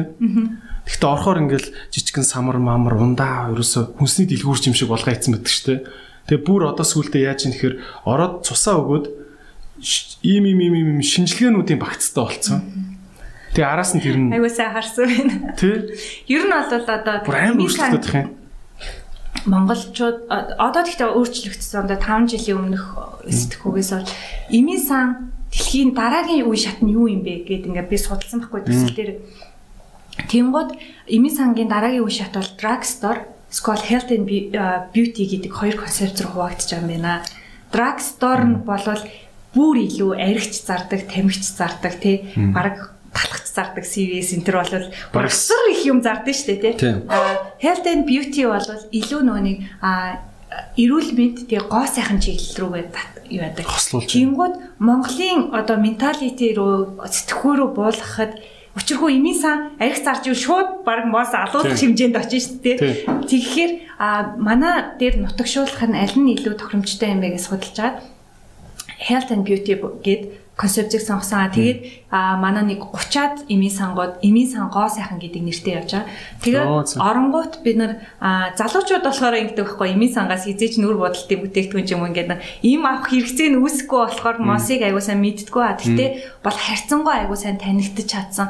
А тэгээ би тэр Health and Beauty концепцийг судалж исэн чинь илүү Азийн зах зээлд айгу төлхөө. Watsons байна, Guardian байна, а урагшаа бол Mannings байна тий. Тэгээд тэд нар болохоор яг моолууд дотор байршсан. Тэгээд ажилчид одоо офис ажилтай хүмүүс дандаа food court руу тий яг нөгөө хоолны нэгдсэн төв рүү очиод өдрийн цагаар хоолоо идчихээд тэгээд үлдсэн хэсэг хугацаанд ингээд refresh хийдэг штеп нэг юм сэтгэлээ сэргээ гэдэг тий Тийм, shopping хийж сэтгэлээ сэргээ гэдэг шиг яг тийм health and beauty store руу ороод ингээд сэтгэлээ сэргээдэг гэж байгаа байхгүй аа захад гоё тод юм цагаан гэрэл мэрэлтэй тий. гэрэлтэй ингээд айгуу гоё өнгөтэй Sephora-гийн дэлгүүр шиг Тийм. үү. Тэгээд тэнгуутаа тэрнийхээ хамгийн их нөгөө traffic color буюу нөгөө яг хүмүүсийн урсгалыг татдаг хэсэг нь makeup гэж байхгүй. Makeup тренд нь байн өөрчлөгдөж идэг. Тэгээд октод ингээл нүрээ бодож үзээл те энэ гоё юм бэ тэр гоё юм энэ дэр хямдарсан байж те энэ дэр энэ шин бүтээгдэхүүн ирсэн байж те гэ тэгэнгүүт их хүмүүс овоороод байгаа юмд Азууд айгуу дуртай. Тэгээд ингээ масс борлуулалтыг нэмдэг гэж. Мм. Тэгээд бид нар анх Тэрнээс биш тэр косметикороо цөм хийх гээд биш тий. Биш. Аха. Тэр нь чинь нөгөө нэг а тоогоор илэрхийлэхдэггүй үн цэн value бий болгож байгаа зүйл чинь бусад бүтээгдэхүүн байхгүй. Бид нар имэйл зараад байвал мэдээж окей те им зар- зараал явж болно. Тийм. Гэтэл имнээс илүү value хэрэглэгч яагаад заавалчгүй мосыг зориод очиж авах юм те? Мосод илүү үн цэнийг одоо санал болгодог байж ижил тэд нар хүмүүсээ татна штэ. Тийм. Өрсөлдөөний үед бид нар монопол бид нар хамгийн нэгдүгээрт явж байгаа гэд явж итл аль хэдийн дараагийн хүн нь бүр 2 3 алхмын урд Том бизнесүүд их зан суудаг тий. Тийм.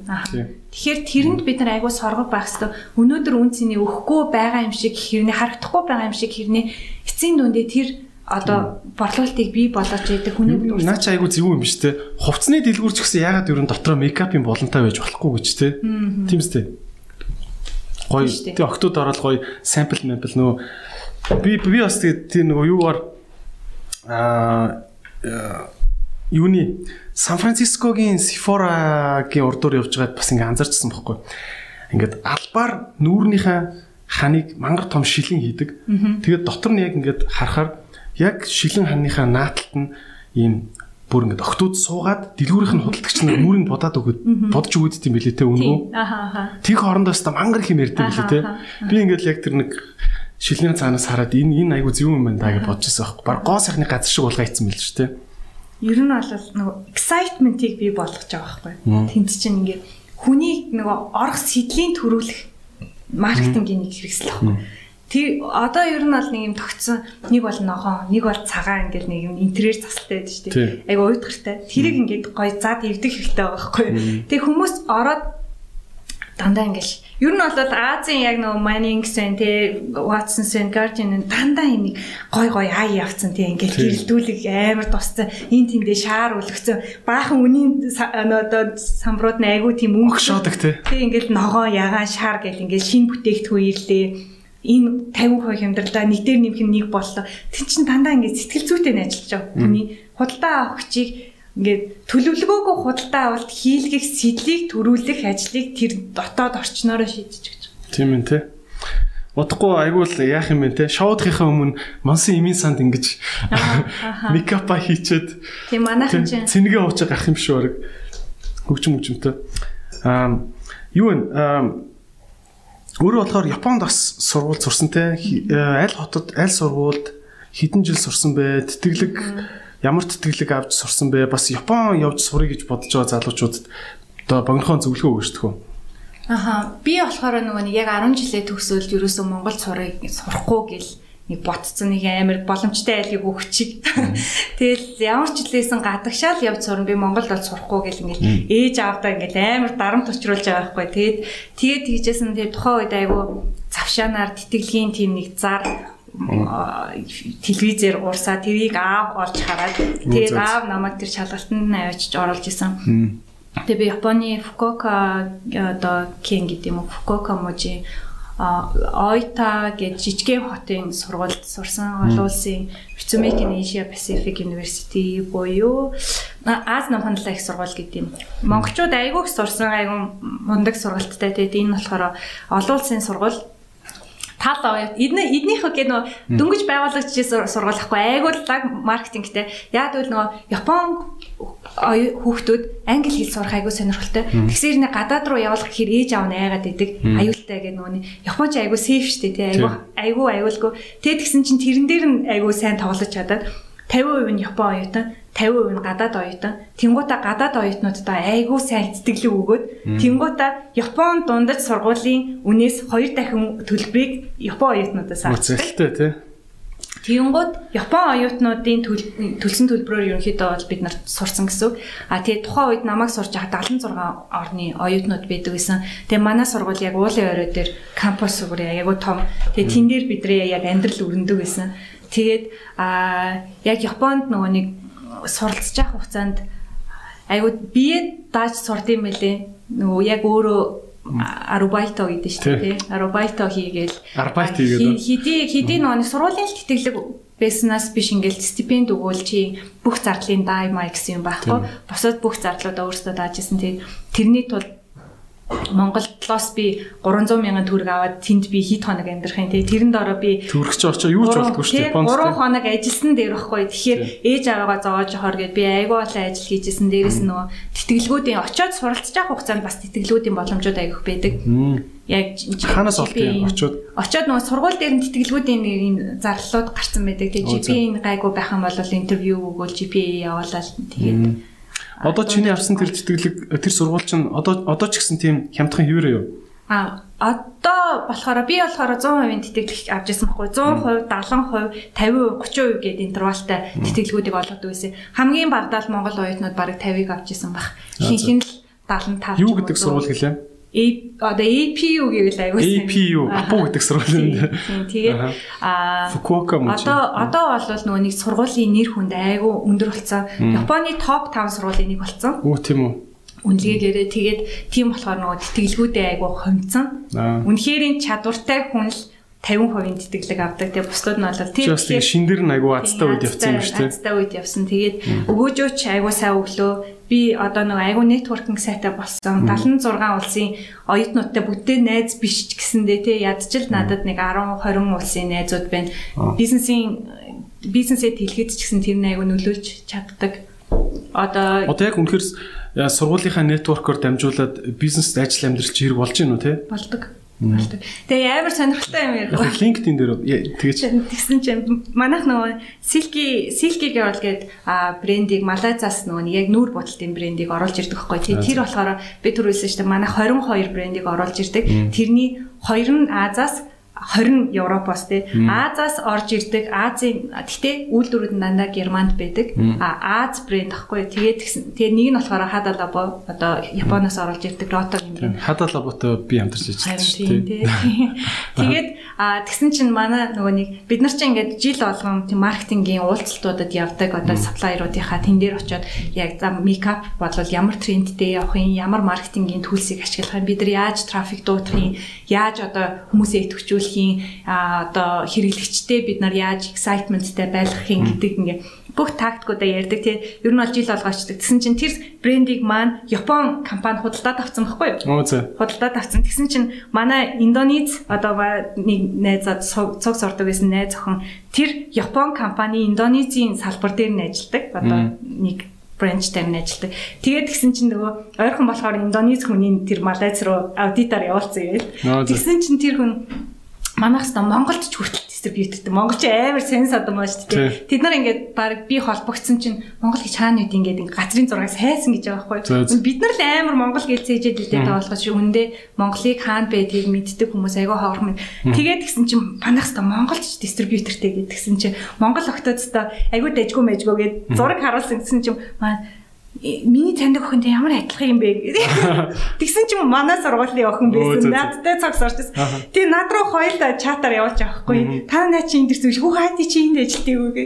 Тэгээ тэгсэн чи ямар жижиг юм. Дэлхий бид нар Монгол жижиг юм. Дэлхий жоохон шүү дээ тий. Дэлхий амар жижиг юм байгаа байхгүй бүр ёо. Тэгээ тэгсэн чи What бүр нэрээ айгу гой санагдчихав чи ямар сонирхолтой юм бэ? Би тэгээ ямар олон гоё найзуудтай тэгээ тэр сургууль надад ямар олон гоё боломжуудыг олгосон юм бэ гэж бодсон.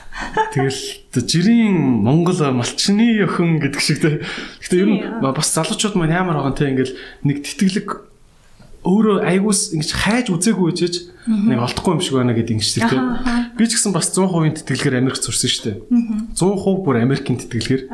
Тэгэл бас олдохгүй л гэж бодож байсан. Тэгэл олддог л байгаа.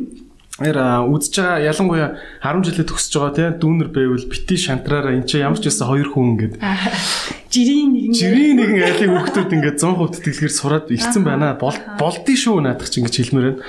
За юуны талаар энэ хүүхдийн хоол ер нь хүүхдийн зах зээл гэдэг юмны талаар бас мэдмээр байна л да. Яг би бас өөрөө одоохондоо хүүхдгүй учраас хүүхдийн зах зээл гэж амар том юм байдаг юм шиг үлээ те. Хүмүүс ч хүүхдтэй мөнгө үл гэх юм их юм сонсогдох. Одоо маань бизнесийн хамтрагч бас хүүхдтэй болоод ингээ харж байхад чинь ямар их юм авт юм бэ те. Тэ хүүхдийн танаа брэндүүдийн хідэн яг хүүхдэд чиглэсэн брэнд байдгүй. Яванд энэ хүүхэд ээж рүү хандсан бизнес бизнес юу нь яаж Монголд томорж ингэж өөрчлөгдөнө гэж бодож байгаа юм. Тэ хүмүүс бол нэг Pampers гэлдэг цааш юм хүүхдийн брэнд гэхэр ойлгох муутай байдаг шүү дээ. Аха түрүү хэлсэн ш нь нөгөө бид нар дэлхий дээр юу болоод байна? Хүүхд хоолнд бор хоолнд оруулахдаа бантан гэл ойлгоод идэг байсан тий. Саяхны хүртэл тийм байсан ш. Тэгтэл зүгээр бид нар нөгөө нэг айгүй сайн мэдлэгтэй болчихж яг одоо 5 жилийн өмнөх ээж одоогийн ээж хоёр бол шал ондоо мэдлэгтэй болцсон байна. Тэг хүүхдүүдтэй айгүй сайн анхаардаг болсон. Одоо угаасаа 3 нас хүрүүл оройтно гэдэг ном хүртэл гарсан байгаа байхгүй.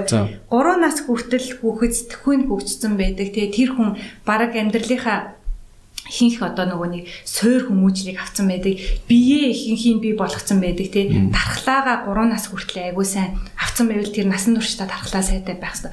Тэнгууд бид нар хүүхдийн хоол тижэл бол хамгийн эмзэг, хамгийн чухал асуудал. Зүгээр нэг үнтэй ч юм уу эсвэл зүгээр нэг сайн гэсэн болгоныг авч болохгүй ээцэгчүүд айгүй хариуцлагатай бас. Яагаад сайн? Яагаад энэ миний хүүхдэд тохирох юм үгүй мө бид нар өнөөдөр хүүхдийн сүү яриад сайнны би омега 3-тай тэгээ бифидомбактертэй чи хүүхдгөө болохоор сайн ойлгохгүй. Гэхдээ бүр айгүй чухал байхгүй. Пробиотик гэдэг энэ зүйлүүд чинь шинэ хэрний айгүй чухал стандартаараа энийг заавалжгүй байлгаж иж хүүхдүүдийн яг зөв бүтцтэй бактери энэ төр тийм дархлаа сайн байх ёстой юм байна гэдгийг судлаад гаргаад ирсэн. Ийм юмгүй бол та нарын сүг зарахгүй шүү гэдэг ингэ стандарт гаргачихж байгаа байхгүй. Тэгээ тэрийг мэдээж омега 3 нэмжээ, пробиотик нэмжээ, тэнд чи орсон найрлага үнэн нэмжээ, тий value нэмэгдэж байгаа. Тэгээд тэн дээр ингээ үн нэмэгдээд ороод ирчихгоо энэ сүү үнэтэй учраас би авахгүй гэж хийж байгаа бол амар утгагүй байхгүй. Үнэхээр сайн байгаа хямдхан байхыг үүсэхгүй тий тэр бол байж болно. А гэхдээ та хямдхан сүү авч өгч байгаа чинь эцэстээ бид нар хүүхдтэд оруулж ирж байгаа хөрөнгө оруулалт чинь өгөөжгүй хөрөнгө оруулалт шүү гэдгийг л аягуулсан ойлгох хэрэгтэй. А дээрэс нь бид нар хоолоо аягуул сайн баяжуулж өгч явах хэрэгтэй нөгөө хүүхдийг дөнгөж анх хоолнд оруулахдаа бид нар ямар хоолоор оруулсан тэр хүүхдийн хотоодыг насан туршид нь бэлдэж байгаа байхгүй. Хүчтэй хоолоор оруулж болохгүй, зөв хоолыг сонгох хэрэгтэй. Тэгтээ би энийг дэлгэрэнгүй ярьж болохгүй яа гэвэл энийг нөгөө яг бүр судалсан мэрэгчлэтнүүд байдаг. Тэгээ бид нар брэндүүд дээр дандаа хоол зууч мэрэгчлэтнүүдтэй хамтарч ажилладаг. Яг бол бид нар буруу нэг мессеж өгөхөд тэр асар том эрсдлийг дагуулж идэг. Хүүхдтэй холбоо би өнөөдөр гиз өвдөл асуудалгүй те. За за өнөөдөр би гиз өвдчлөө гэж. Хүүхдийн нэг юм идэ гизэн өвдөхөд амар том асуудал болдог байхгүй. Тэр бүр асар том аюулыг авчирдаг. Тийм учраас бид нар өгж байгаа мессеж үнэн байх хэвээр зөв суурилсан байх хэвээр тий нөгөө нэг яг ээж нар толгойн суурилсан байх хэвээр. Нар ер нь одоо уучлаарай ээж нар гэж яриад байгаа нэг хөтлөгчийн зүгээс алдаатай болчихлоо. Эцэг эхчүүд тий хоёулаа хамт хоёулаа хариуцлага хүлээн тийм үү. Эцэг эхчүүд энэ хүүхдтэй зөв хоол өгөх ёстой. Энэ хүүхдийн хоолны талаар мэдээллийг хаанаас авуул их зүгээр. Одоо өөрөө чинь хувьд өөрөө чинь хувьд хаанаас яа тийм одоо тийм групп мөрөв байд юм уу зүгээр гуглд ч тийм үү яах вэ? Яг нөгөө Facebook дээр одоо ээжүүдийн групп байна. Айгүй олон нөгөө нэг зорилттой бүлэгмийн сонирхлын группүүд байна шүү дээ. Тэн дээр ээж нар аль сун сайн байгаа. Хай хай сайн тийм ч гэдэг юм уу. Тийм ингээд зүгээр л нөгөө нэг өөрсдийнхөө хэрэгэлдэг бүтээгдэхүүнийг сайн Бүдүүн баг ярьдаг, тий. Тэгтэл яагаад сайн гэдгийг нь тайлбарладгүй. Нөгөөх нь ч яагаад сайн гэдгийг ухаж ойлгохыг хүсэхгүй байвал тэр бол хариуцлагагүй байдал гэсэн үг байхгүй. Бид нар Манайхан гайгүй юм санал болгооч гэдэг ихсэн мэт тий. Тийм. Тэгэхээр тэр чин бол бид нар үнэхэрийн тийм одоо үн цэнтэй хариултыг хүлээж байгаа бол арай илүү мэрэгжлийн түвшинд хандах хэрэгтэй. А үнэхэрийн хариуцлагатай сайн ээж байя гэж бодож ивэл тэрэн дээрээ судалгаа хийх хэрэгтэй тий. Тэгээ бид нар яг ингэж оруулж ирэхдээ брэндүүд нөгөө яг Европын холбооны улсын стандартт байх ёстой орц найрлагыг ингэж гисаагаад одоо Монголд байгаа сүнүүд ингэж гисаагаад чиглэсэн байхгүй. Аль нь давцсан байна, аль нь дутуу байна, аль нь таарч байна гэд. Тэгэхэд бол бас таарч байгаа брэндүүд баг дэндүү ховор байсан За, нэр нь хэлээд явах хэрэгтэй гэж. Хэлэхгүй мэдээж хэлэхгүй. Гэхдээ тэрийг зүгээр наазах интернетээс авчдаг байхгүй юу? Яг хүүхдийн сүүний орц найрлага ямар одоо цусны шинжилгээ өгөхөд энэ хоёрын хооронд хэлбэлцэж явах хэвээр тий Тийм. нэг юм заагууд байдаг шүү Тийм. дээ. Яг тэр зааг дотроо байна уу? Илүү байвал сайн биш шүү дээ тий. Илүү байж болохгүй, дутуу байж болохгүй. Тэрийгэ судалгаа хийх хэмжээний мэдлэгтэй одоо ирмэлцэлтэй л байх хэрэгтэй юм уу? Жохон хар ажил орно тий. Тийм. Тэгээд яг хав тэрийгэ богино одоо богинохон болгож байт юм уу? Тэ эсвэл бол надаа үнэхэрийн тэгж судалж явах зав алгаа гэх юм бол мэрэгчлийн хоол зүйч дээр очиод зөвлөгөө авах хэрэгтэй. А тэгээд тэгтээ хоол зүйчнэр хүртэл өөрсдөө хүүхдийн хоол гэдэг бол асар одоо ингээд зүгээр би тэр болон тэр болохгүй гэж хэлж болтгүй. Наадах чинь бол асар эмзэг сэдв. Тэгээ тийм болохоор та нар маш сайн нарийн бид нар гаргаж байгаа боршуураа хүртэл хянуулдаг зүгээр сайн гэж юусоо гаргадгүй тэр яагаад яагаад ийм юм яагаад тийм юм гэдэг Тэдэн грамм, тэдэн грамм нь, гэ тий. Сахар тэдэн грамм гэж тавьсан байдаг шүү дээ. Үндэ тэгэл надад хэрэг сахар хэрэгтэй чи эслэг тэтгэцэн. Одоо ингээл энийг харахаар ингээл айгуул да эслэг юу гэж байна. Эслэг 46 килокал гэ- а биш энэ илчлэг байна тий. Нүүрс ус. За окей болио л доо тий. Аа, За давс гэж байна тий. 0.1 г гэж байна. Давс юу н хэд байх хэвээр энэ хүнд? Аа тэрийг бол Наацхан. би нөгөө хоол зөөч биш болохоор Тийм. Гэхдээ гуглдэх хэрэгтэй гэсэн үг шүү дээ тий. тийм тэгэхээр яг өөрийнхөө жинтэй харьцуулна тэгэл тэр болгоныг зүгээр надад сайн байсан учраас чамд сайн байна гэсэн үг биш шүү дээ тий. Тухайн хүн дээр ямар одоо шинжилгээ гараад чи юугаар дутаад шал юугаар юугаар илүүдэд байгаа жишээлбэл бид нар дээгийн шинжилгээ өгөөд ямар тунтай дээд хариулгаа шийддэг шүү дээ тий. Яг тэрнтэй адилхан чи ямар хоол хүнс ихэвчлэн хэрглэж ин чиний ямар одоо эргэтэн чинь сайн байна ямар эргэтний дэмжих хэрэгтэй. Жишээлбэл энэ ананастай цэвэр 100% ананастай чи нойр булчлах үйл ажиллагааг дэмждэг байхгүй киви бууцаатай шүүс байдаг энэ дээр жирэмсэн болон хөхүүлэгчүүд дээрээс нь турхаж байгаа хүмүүс эслэгээр баялаг төмрийн төмрөөр баялаг тэгэхээр энийгээ учир шалтгааныг мэдчихээсэй л гэдэг. Тэрнээс бол ингээл а органик учраас сайн гэж байгаа биш те. Тим зүгээр стандарт л мөрдөгддөг. А гэхдээ чиний бие юу нь сайн те. Чиний бие юу дутагдаад Тэгвэл өөр гэдгийг ойлголт, те. Тийм харуулдаг. Өө марцнаас би юу чи шинэ оруулж байгаа брэндийн дээжээс авчирсан. Өө за яах нүгтэй. За. Надаа юм уу за. Өө за. За энэ болохоор бид нар нөгөө гүшон гээд гаруул өгсөн юм гаргаад танилцсан. Гушонтой чинь би сайхан танилцсан шүү нэрээ. А тийш. Гушон нэр, гэдэг те. А Гулон гэж үчдэг те. тийм гүлон гээд бид нар ч бас гүлон гэж бодоодсэн чинь спинер гүшон гэж уншд юм Тийм, бид нар брендийг оруулж ирж байгаа юм чинь анхнаасаа тий уншиж уншихын хүртэл а зөв уншуулчих юмсан. Тэгээд бид нар зүгээр зах зээл дээр амар олон жигмүүд байгаа шүү дээ.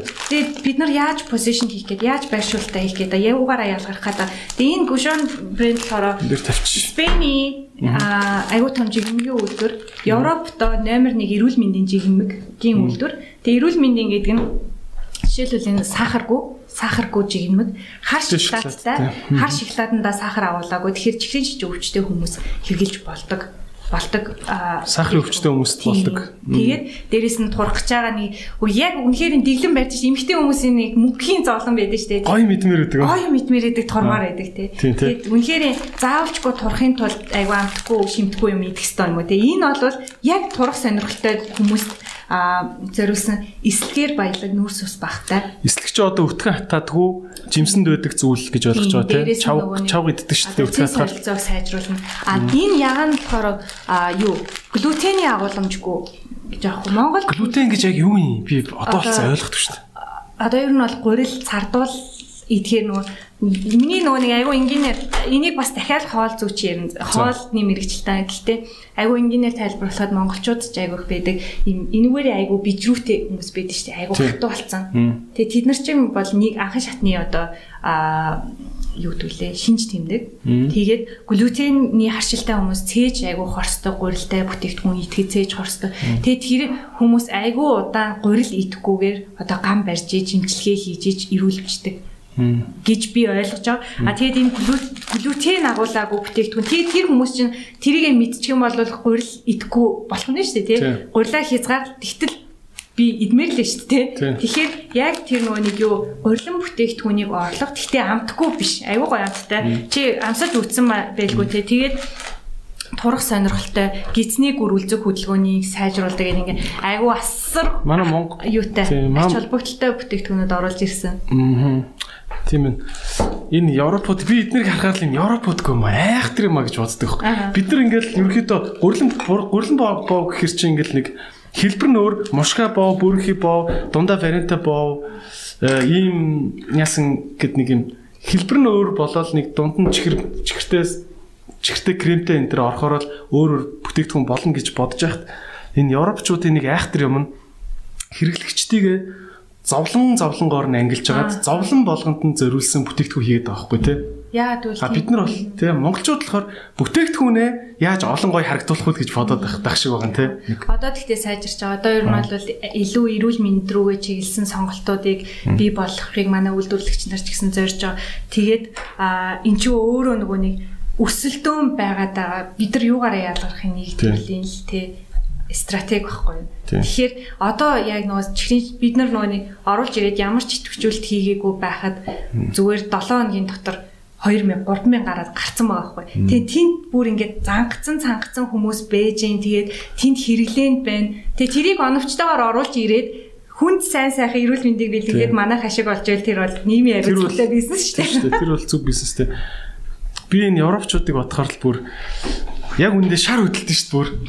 Монголчууд ч ихсэн тэгэл яагаад ингэж зүгээр чихрийн шижинтэй хүн хүн ч гэсэн бас л шоколадтай мэдмээр л биш дээ. Ягаад тэгвэл тэрэнд нь ид- ид- идүүлээсэ гээд ингээд зориод нэг юм зохион бүтээчээгүй юм болоо л гэж бас боддоо шүү дээ. Энд чинь тэгэл бичэн шүү дээ явж байгаа шүү дээ. Тэгтэл испанууд ингээд дэлхийн зах зээлийг ингээд эзэлсэн л шүү дээ. Эрүүл мэндийн жигнэмэг гэдгээрээ таниулсан. Тэгээ тэрнэрээ зах зээлээ эрүүл мэндийн жигнэмэг те бүр зах зээлийг ингээд нийштэй юм төрөлдсөн зах зээлийг өөрөө өөртөө бий болох болгоцсон байгаа байхгүй те Тэг яг нөгөө одоо бид нар эрүүл мэндийн бүтээгдэхүүн гээл тэгэнгუთ эрүүл хоол гээл яг нэг хүмүүсийн нэг тогтцоо ойлгож байгаа амтгүй тий давсгүй Тийм. чихэргүй гээл ингээ боддөө штэ. Эрүүл амьдрахад амтгүй юм идэх шаардлагагүй юм а гэдгийг манай бүтээгдэхүүн дандаа баталж яадаг. Одоо энэ жуус ч гэсэн айгуу гоё амттай байс тий. тийм үү энэ амар сахартай юу гайгүй халамжгүй. Тийм. Сахаргүй 100%. а энэ амар реклам гэлчлээ гэхдээ энэ айгуу гоё амттай ямар ч Тэгэхээр яг сахартай юм шиг амтгаж дээ баг Угаасаа нөгөө өөрийн жимсний фруктоз одоо угаасаа ананаас идэхэд бид нар. Амар сахартай мэдрэмж төрж тэр бол фруктоз сахар хүний биед хэрэгтэй сахар байдаг. Тийм болохоор нөгөө нэг яг бид нар бүтээгдэхүүнийг оруулж ирэхдээ энэ болгоныг дандаа харж идэг. Зүгээр бид нар Монголд 10 20-ороо байгаа бүтээгдэхүүнийг оруулж ирээл тэд нартай алцах гал ах нь сони юм уу? Бид нар байхгүй сегмент рүү н ороод тэрийг таниулах нь сони юм уу гэдэг чинь айгууж болох. тэртээ дөрөв угаасаа дэлхийн чиг хандлага өөрчлөгдөж байгаа бас хоош те. За Викторийн яриа ерөөхдөө нэлээд дуусах чиг- чиглэл рүүгээ орж ийн. Тэгээд өнөөдөр зочноо дахин танилцуулахад Mons Group-ийн охин компани, импортын компани байгаа 22 төрлийн брэндуудыг ихвчлэн Европоос оруулж ирдэг те Green Gate гэдэг нэртэй компани CEO Уран Жаргал гэдэг эмэгтэй байгаа хоёр хүүхдийн ээж Тэгээд өмнө нь бас 5 богд групптэй ажиллаж исэн. Бас өөр чи ямар брэнд дээр ажил өөр ямар компани ажиллаж байлаа? Аа, 5 богд групптэй L'Occitane-ыг хариуцчихсан. Тэгээд 5 богд групп L'Occitane бас л Европын брэнд брэнд шүү дээ, тийм хариуцжсэн Япон сургуульд өгсөн ийм мундаг эмэгтэй оролцож байна. Тэгээд маш гоё нээлттэй бизнесийнхаа бас ингээд деталаас ярилцж байгаад их баярлалаа. Аа олон бас жижиг бизнес эрхэлж байгаа үйлдвэрлэлийг хүсэж байгаа хүмүүс суралцаасаа гэж бол хүсэж байна. За нэг ийм шин салбарын талаар яриад байна л да. Имчилгээний гоо сайхан гэдэг юм байгаад байна л да. Тэ? Би бол гоо сайхны газар гэж бол мэднэ. Гоо сайхны бүтээгдэхүүн гэж мэднэ. Тэгээ имчилгээний гоо сайхан гэхээр одоо яа яа гэсэн үг үү? Энэ категорид ямар ямар бүтээгдэхүүнүүд байдیں۔ Алдартай төлөөлөгч нар нь энэ зах зээл цаашдаа яаж томорхоор байна? Тэ? Танаа хажуугаар энэ зах зээл дотор ямар өөр жижиг Монголын жижиг дунд бизнесүүд ингэж гарч ирэх боломжууд байна. Хүмүүсийг нэг гой боломж хараасаа гэж хүсэж байна л та. Аха. Шин зах зээл тийм. Имчилгээний гоо сайхан гэдэг ойлголт өөрөө бас Европтой ч гэсэн шин шин гэдэг нь 30 40 жил болж байгаа ойлголт. За. Тэгээ гоо сайхны зөндөө олон брэндүүд бий болоод ирсэн. Тэгэд тиймгот аль нь чанартай зүгээр цав баглагаараа өрсөлдөд ирчихэж байгаа байхгүй. Аюу гой харагдаж байгаа бүтээгдэхүүнийг сайн гэж гэж ойлгодог ч юм уу тий. Эсвэл бол шууд нүүрэн дээр түрхэл нүүрэн ингээл амар гой гялзаал Тэнгуута буцаад арьсанд өгөх нөлөө те хорн айгу өндөр байдаг бүтээгдэхүүнүүд бас байна. А дээрэс нь эсвэл бол айгу маркетингаар ингээл зодож зодож жаад хүмүүсээ дуудаад ингээд зардаг бүтээгдэхүүнүүд. Тэгэд бас нэгэн ухаанд нь л за зүгээр ялгарх хэрэгтэй юм байна те. Энэ гоо сайхан гэдэг бол яг үндэ бид нарын ингээд ууж байгаа уусын юм ходоод руу очиод цус руу шингэх хугацаа нүүрэндээ дүрхээ цус руу шингэх хугацааны нүүрэндээ дүрхээ цус руу шингэх хугацаа нь хурдан байдаг байхгүй юу? Тэгэхээр бид нар хоолноос бараг чухал авч үзэх одоо зүйл. Тэгэхээр нөгөө айгүй сайн чанартай юм аа гэд ингээд авч байгаа бүтээгдэхүүнүүдийнхаа орц найрлагыг дахиад хав тий. Тэгэд энэ имчилгээний гоо сайхны бүтээгдэхүүн гэдэг чинь цаана эмч нар ажиллаад клиникээр судлаад тэгээ тэр бүтээгдэхүүнийг хэрэглээд арьсны бүтцийг эмчилж гинөө гэдгийг хардаг. Тэрнээс яг гой гой харагдуулт өнөөдөр гой харагдуулах гэдэг нь үү? Тийм өнөөдөр богино хугацааны одоо үр дүн ч юм уу те тэрнээсээ илүү арьс ч өөрөө ингээд нөхөн чөлдүүлж явах хэвээр эко одоо систем шүү дээ те. Тэр экосистемийг л экосистем за буруу хэлж магадгүй.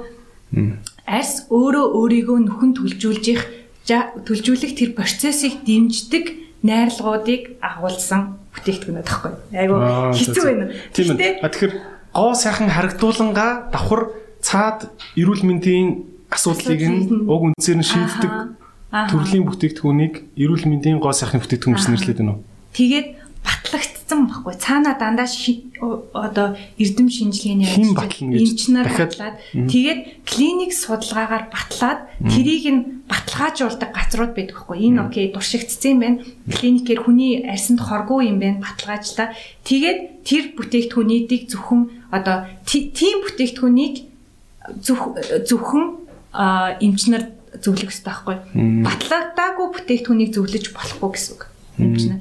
Тэгээд ихээр нөгөө зөвхөн эмийн сангаас л тийм юм аа гэсэн үг. Тэр нь нөгөө нэг тэгэхээр хүмүүс ингэж ойлгоод эмчилгээний гоо сайхан гэхээр амар арсны асуудалтай өвчтөе хүмүүс л хэрэглээд байдаг гэж бодоод байдаг. Үгүй энгийн бүтээгдэхүүн гэхдээ энгийндээ батлагдсан эмчилгээгээр одоо эмчнараар батлагдсан бүтээгдэхүүнүүд учраас тэрийгээ бид нар имчилгээний гоо сайхан гэж үздэг. Төлөөлөх том том брэндүүд юу вэ жишээ нь? Аа манай дээр одоо яг одоо дөрвөн имчилгээний гоо сайхны брэнд орж ирдэг. Аа нэг нь болохоор Isis Farm брэнд байна. Нэг нь Topic Cream брэнд байна. Нэг нь Vichy, аа нэг нь а Cetaphil гэж брэнд байна. Шүү дээ бүгд сонсоог юм байна.